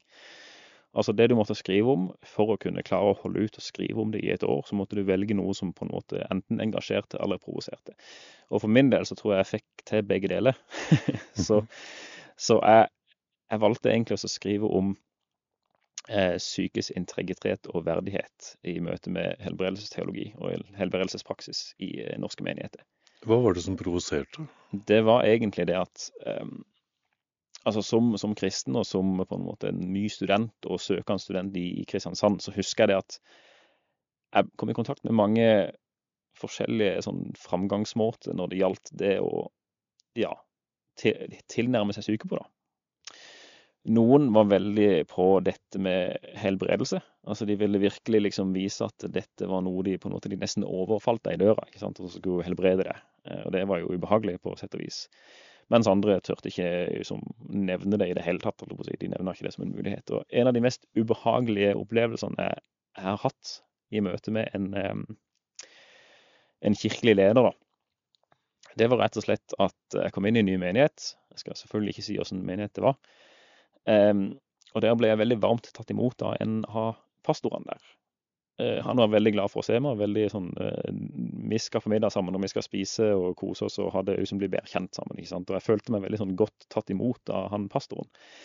Uh, og når jeg kom fram til den middagen, så var det veldig tydelig hva han ville diskutere. Altså, da ville han snakke om helbredelse med meg, sånn én til én. Eh, og når jeg, altså, da, da, da han meg liksom, ga han meg tilbud om at skal vi ikke bare be for det her og nå? Skal vi ikke bare be om eh, at du skal bli helbreda? Og da sa jeg nei, eh, det har jeg egentlig lyst til å gjøre på egen hånd. Det er egentlig noe som er mellom meg og Gud. Og det jeg opplevde da, det var at den pastoren i grunnen ble ganske sint på meg og opprørt. Og var veldig sånn der Dette her er jo ikke rett måte å tenke på, bla, bla, bla. Og ble veldig sånn Ja. Ble veldig, det ble veldig vondt, for å si det på den måten, da. Eh, og jeg gikk fra det møtet med en sånn følelse at her Altså dette, dette altså det, det, var på en måte en todelt følelse. da. Den ene følelsen var at nå følte jeg meg helt verdiløs. Og den andre følelsen var at her er det noe galt. Dette her er ikke Nå har han sagt noe som ikke stemmer til meg. Det var nok den følelsen som gjorde at jeg på en måte fortsatte å liksom, dukke litt ned i dette her, og så finne ut av litt mer om hva, hva Bibelen egentlig sier om, om helbredelse. Eh, og jeg har jo opplevd at veldig mange eh, den dag i dag egentlig kommer til meg og snakker med meg om disse tingene. Det er ikke så veldig lenge siden jeg hørte ei, ei jente kom til meg og så sa hun at hun hadde just fått diagnosen at hun, har, hun hadde diabetes. Um, og da hadde hun gått til, til pastoren sin og så spurt, liksom snakka litt om dette her, da. Eh, bare sånn forklart hva som hadde skjedd. og liksom spurt om liksom råd om hvordan hun skulle liksom angripe dette. Og Da hadde den pastoren eh, spurt henne kan du komme på noe galt du har gjort i det siste. Eh, og Det er sånne opplevelser som det som gjorde det veldig nødvendig for meg å skrive litt mer om det. Altså Det var derfor jeg valgte det temaet som jeg gjorde i, i masteren. Altså det å skrive om eh, helbredelsesteologi og praksis, eh, og som på en måte allikevel ta vare på den psykiske integritet og menighet, eller, og, og verdighet. da. Om, om en kan få, få, det til. Om det er noe som lar seg forene.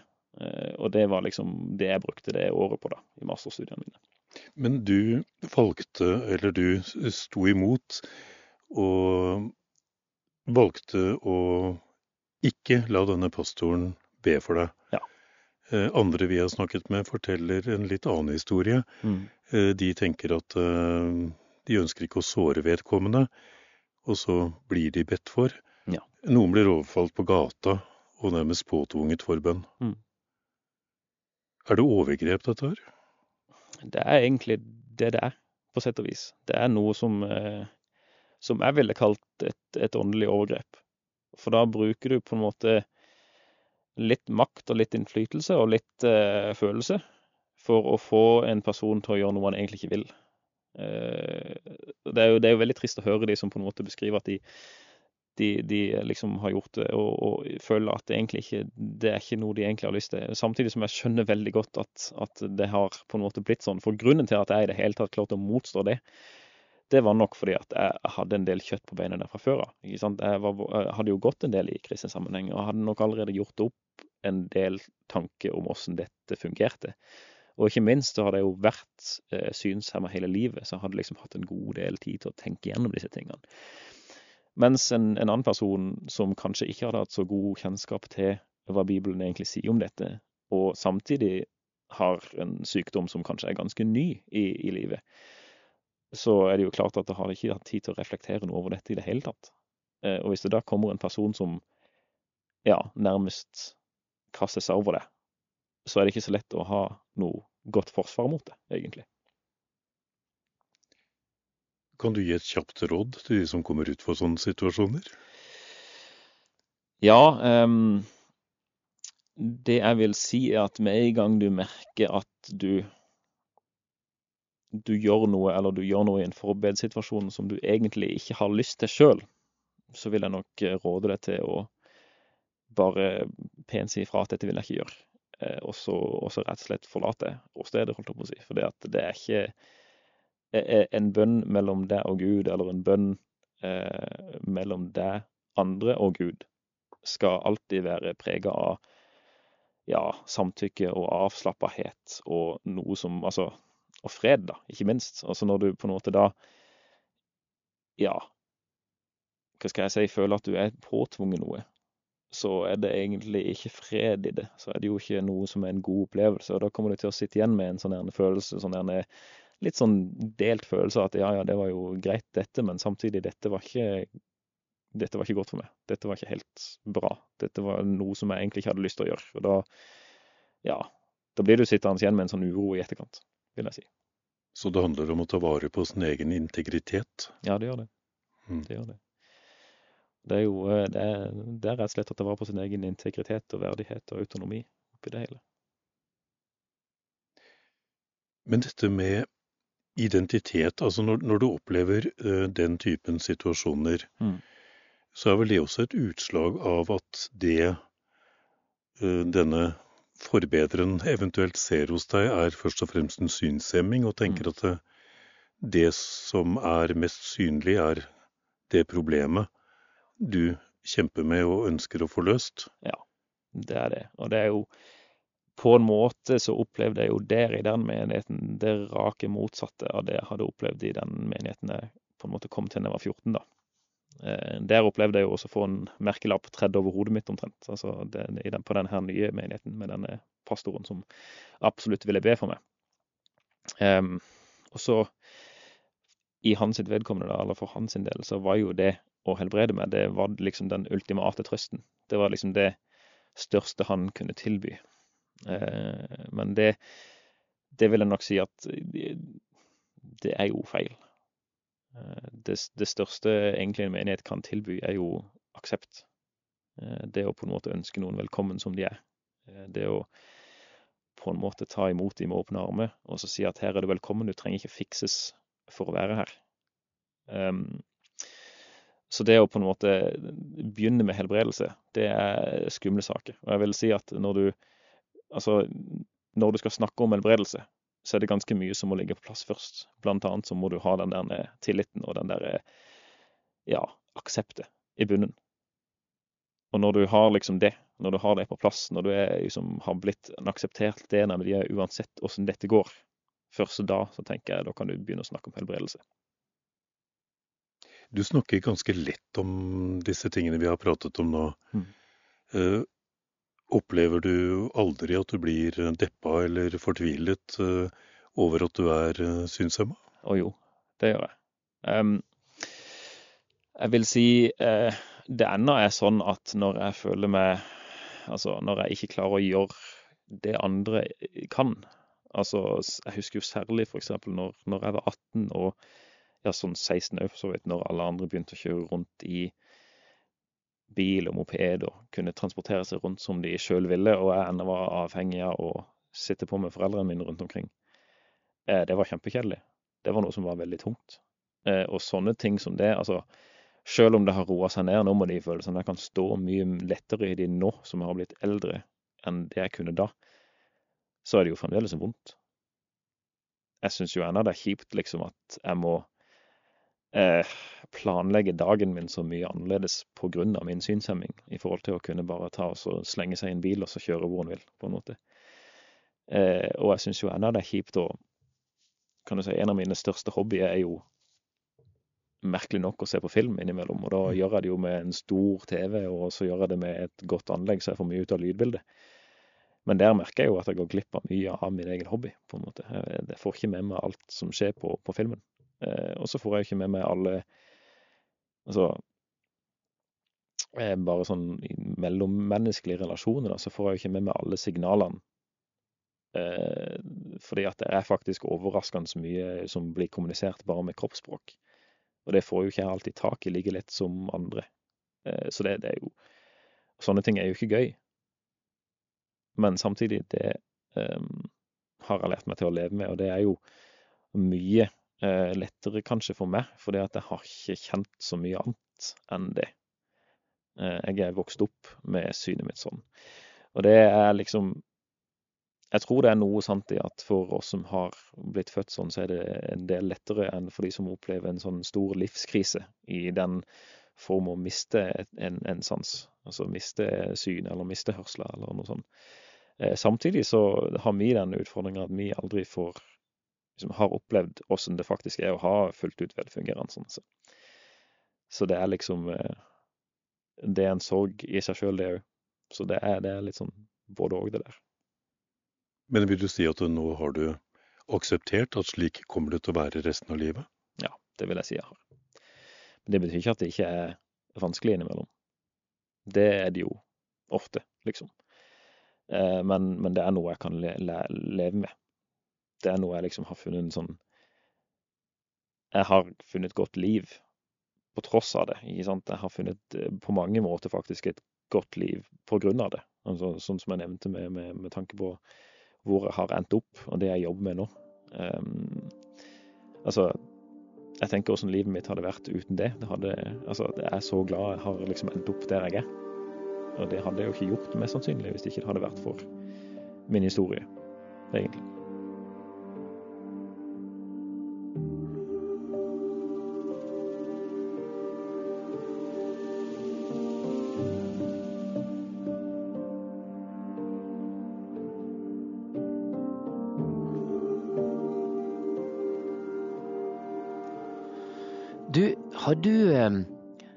En av de der som tenker at jeg har så lyst til å komme gjennom hele Bibelen. Ja, da må du følge med nå, for nå har jeg virkelig et bra tips til deg, altså.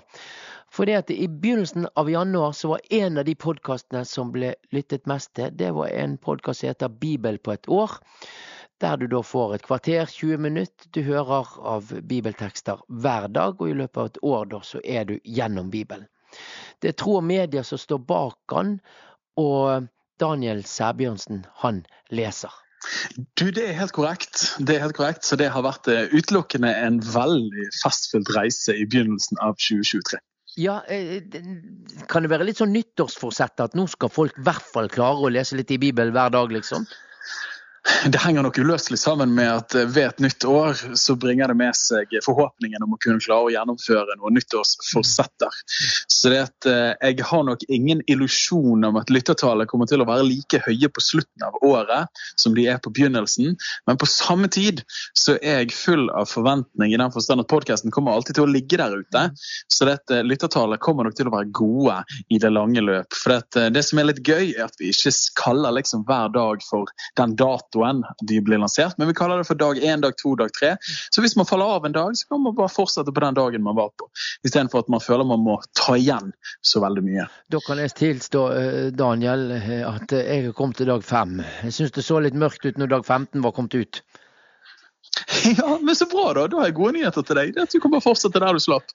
Ja, ja, en gang blir man ferdig da, vet du. Men du, du, eh, hvordan kom den ideen, da? Det er jo en god idé for å få lyttere. Så dette er jo en populær bok, og, og det er sikkert mange som tenker at dette skulle vi tenkt på før.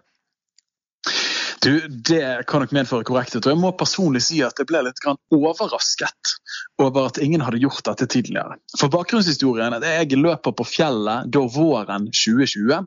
Og så har jeg lyst til å ikke bare høre taler over bibelteksten, men jeg har lyst til å høre selve bibelteksten mens jeg løper på tur.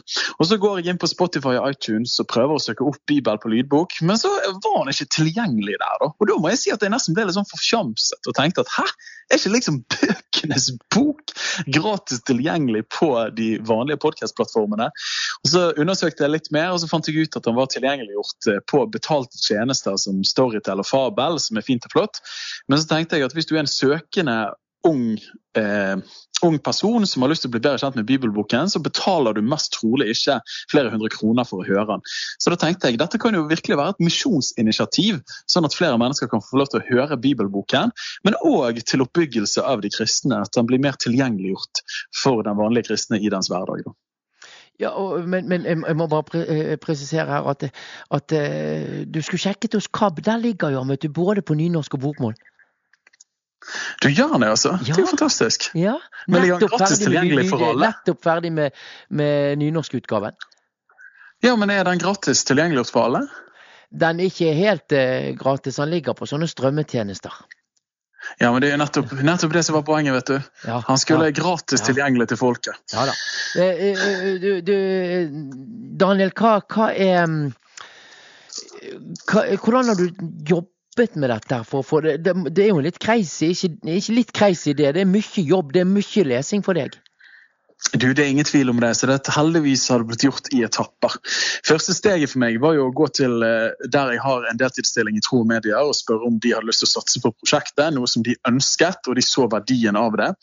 Så henvendte jeg meg til ulike bibelforlag og selskap for å få en godkjenning av de, for man må jo ha en godkjenning for å benytte seg av deres tekst. Eh, og så fikk vi napp hos eh, Norsk Bibel, som vi har blitt veldig gode venner med, og det er de som har den 8807-oversettelsen. Så det er den som da har blitt gjort gratis tilgjengelig. Så da spilte jeg inn først Det nye testamentet under dobbeltdyn til meg og min kone eh, nede på kontoret i mitt eget hus i Åsane utenfor Bergen. Tok vel seks-syv dager til å lese det inn, og så ble det etterarbeidet av eh, vår tekniker som gjorde en glitrende innsats, som heter Kjetil Fyllingen. Så droppet vi da Nytestamentet. Det var våren 2021, det var vel mai 2021. Og så gikk vi i gang med å lese inn Gamletestamentet, eller jeg gjorde det. og har da brukt, Det begynte vel i mars 22, og så fikk vi lansert det nå i desember 23. Nei, desember 22, mener jeg. Og så er jo det litt sånn artig i det hele, eh, er jo at eh, at i november så slo tanken meg ok, nå har jo vi lest inn hele Bibelen snart. Vi skal ikke bare ta klippe den opp i 365 deler, og så lager vi en egen podkast som heter Bibel på et år. Og så deler vi den gratis ut der. Og så kan folk få lov til å koble seg på. Kanskje vi kan hjelpe folk gjennom Bibelen på et år, og de får et mer fortrolig forhold til teksten og mer kontinuitet i sin bibellesning eller lytting. Eh, og Da slengte vi oss rundt og så tenkte vi at dette får vi til. vet du. Og det er litt sånn vi tenker. Vi, dette får vi til. Dette har ikke vi prøvd før, så det må gå bra. Eh, og så hever vi han utpå, og så har han blitt tatt imot eh, over all forventning. Så det har jo vært utrolig stas. En sånn podkast-rockestjerne du nå? Ja, rett og slett. Altså, jeg blir jo gjenkjent en del steder. Selv om det bare er stemmen min, så er det folk som har plukket med seg nyhetene. Nå var jo vi, vel to uker siden, da var vi i BA, og jeg var på NRK, og jeg var på P2 og P3 og, og Hei hvor det går, alle de kristne flatene. Og endelig så du kom til KAB, det var vel målet? Og endelig har jeg kommet til KAB, så det var utrolig stas når du ringte òg. Det mener jeg. Mm. Du, eh, til slutt, hva, hva har du lært av å lese høyt en hel eh, bibel, for å si det sånn? Jeg har lært en rekke ting, bl.a. at Bibelen er veldig lang. At Det gamle testamentet er betraktelig lengre enn Det nye testamentet. Og jeg har lært det at man ikke klarer å lese åtte timer i strekk. Det er noen av de overfladiske tingene som jeg har lært, og at det er viktig å drikke vann underveis. Utover det så har jeg blitt mer glad i bibelboken enn noen gang tidligere. Og jeg må si For min del eh, så har det sterkeste vært å kunne få lov til å lese Det gamle testamentet og trekke ut både lederskapslærdommer og rent generelle lærdommer til det menneskelige livet. For det er ikke sånn at vi som lever i 2023 har sett lyset mens tidligere generasjoner ikke forsto noen ting. Tvert imot så opplever jeg at jeg kan fortolke min samtid i lys av fortiden i veldig stor grad. Men det hovedutropstegnet måtte være alle de frampekene mot den frelseskongen som skulle komme. Og når man da har privilegiet av å kjenne Det nye testamentet, så blir det så stort når man ser symmetrien, sammenhengen, nemlig at Det nye testamentet er skjult i det gamle, og det gamle er oppfylt i det nye. Altså personen Jesus Kristus er virkelig hovedpersonen fra første Mosebok til åpenbaringsboken. Det har blitt veldig sterkt.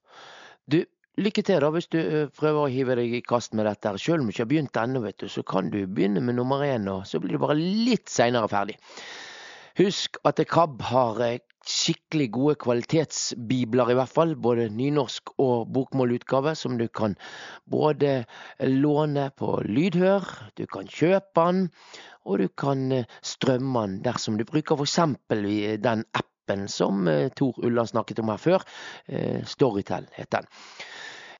Før jeg slipper til tanker om tro, så denne gangen er med Asbjørn Gabrielsen, så har jeg lyst å vise deg at det, noe blir bedre med årene òg. Jo eldre en blir, jo bedre blir han. Bare hør her på generalsekretær Øyvind Woie for lenge siden, da han skulle ønske velkommen til en ny Kula.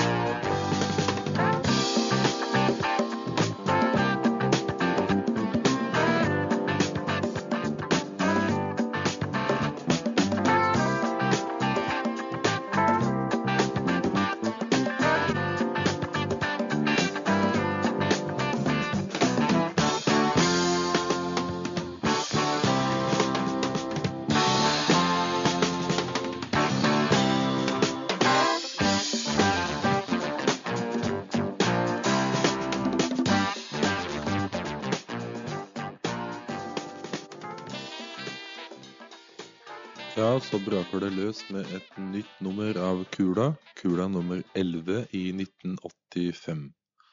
Dette her, det er sommernummeret, så nå får du ikke noe lydavis før et stykke ut i august. Og siden dette er sommernummeret, så har vi valgt å kalle det for sommermiks. Det var sommermiks, det, og Kula og Øyvind Woie i en ung utgave. Da må du ha takk for følget, og du får da som avslutning Asbjørn Gabrielsen som eh, gir deg tanker om tro.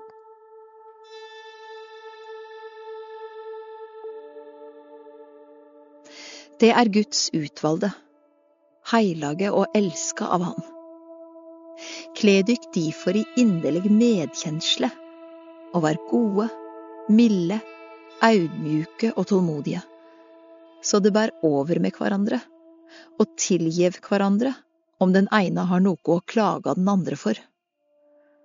Som Herren har tilgjevet dykk, skal det tilgi hverandre. Og over alt dette, kle dykk i kjærleik, det bandet som binder sammen og gjør fullkommen. Barneskole, tidlig ungdomsskolealder. Eh, og som synshemma som jeg er, så, så føler man seg ofte litt sånn ut forbi de andre. Eh, det har nok med at man Det er ikke alle tingene man kan være med på, sånn som fotball. Det husker jeg var en veldig stor greie å spille i friminuttene, av basketball. Ingenting av det kunne jeg være med på. Klinkekule, det var jo vanskelig. Sant? Alt dette her. Eh, for å ikke snakke om klasserommet. Når jeg satt i klassen og, og var omringa av forskjellige hjelpemidler og forskjellige ting som, som gjorde at jeg stakk meg sjøl ganske ut. da. Eh, så jeg følte nok alltid at jeg hadde den der merkelappen, eh, den synshemma, den svaksynte, på meg. Eh, og det var liksom ofte det folk snakka med meg om, og var, jeg, jeg, følte nok at ja, det var ofte litt vanskelig å være med i forhold til det, da. Og det var i en alder der man helst ønsker å passe inn. ikke sant? Det er det viktigste i verden for deg i den alderen. Du vil helst ikke stikke deg sjøl ut.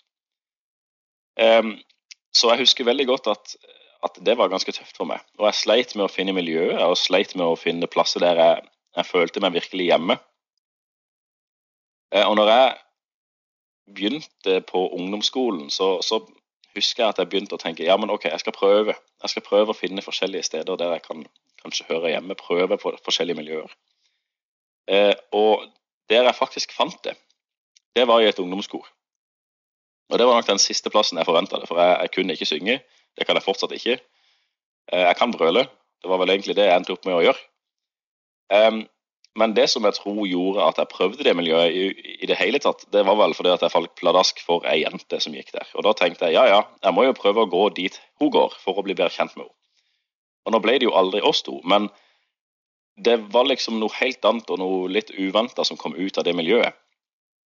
Og det var liksom at det var den første plassen jeg følte at jeg kunne leve uten en merkelapp. Det var det første miljøet jeg liksom følte meg hjemme i og, og var meg sjøl i. Altså det var liksom der jeg kunne være Asbjørn uten å på en måte bare være den svaksynte. Folk så liksom forbi det.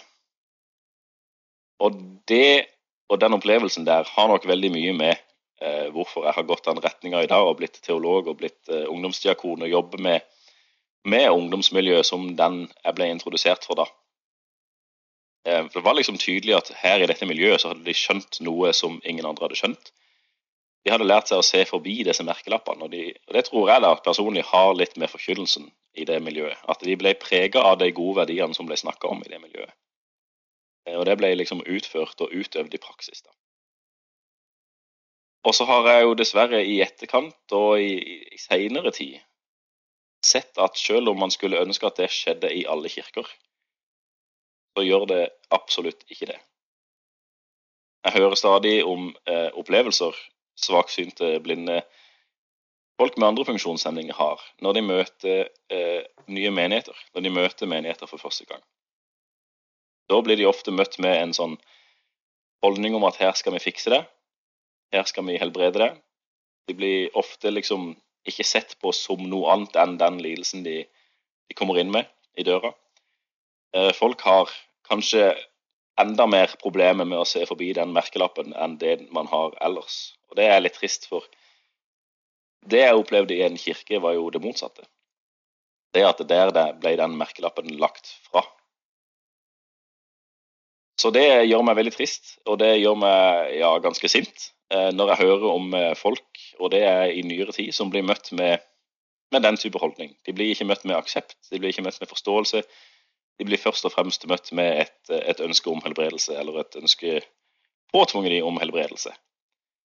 Eh, der, det er nok i den beste mening, men det er òg noe som støter veldig når du prøver å finne et miljø der du kan passe inn, og du på en måte får en følelse at her passer du ikke inn før du er som alle andre.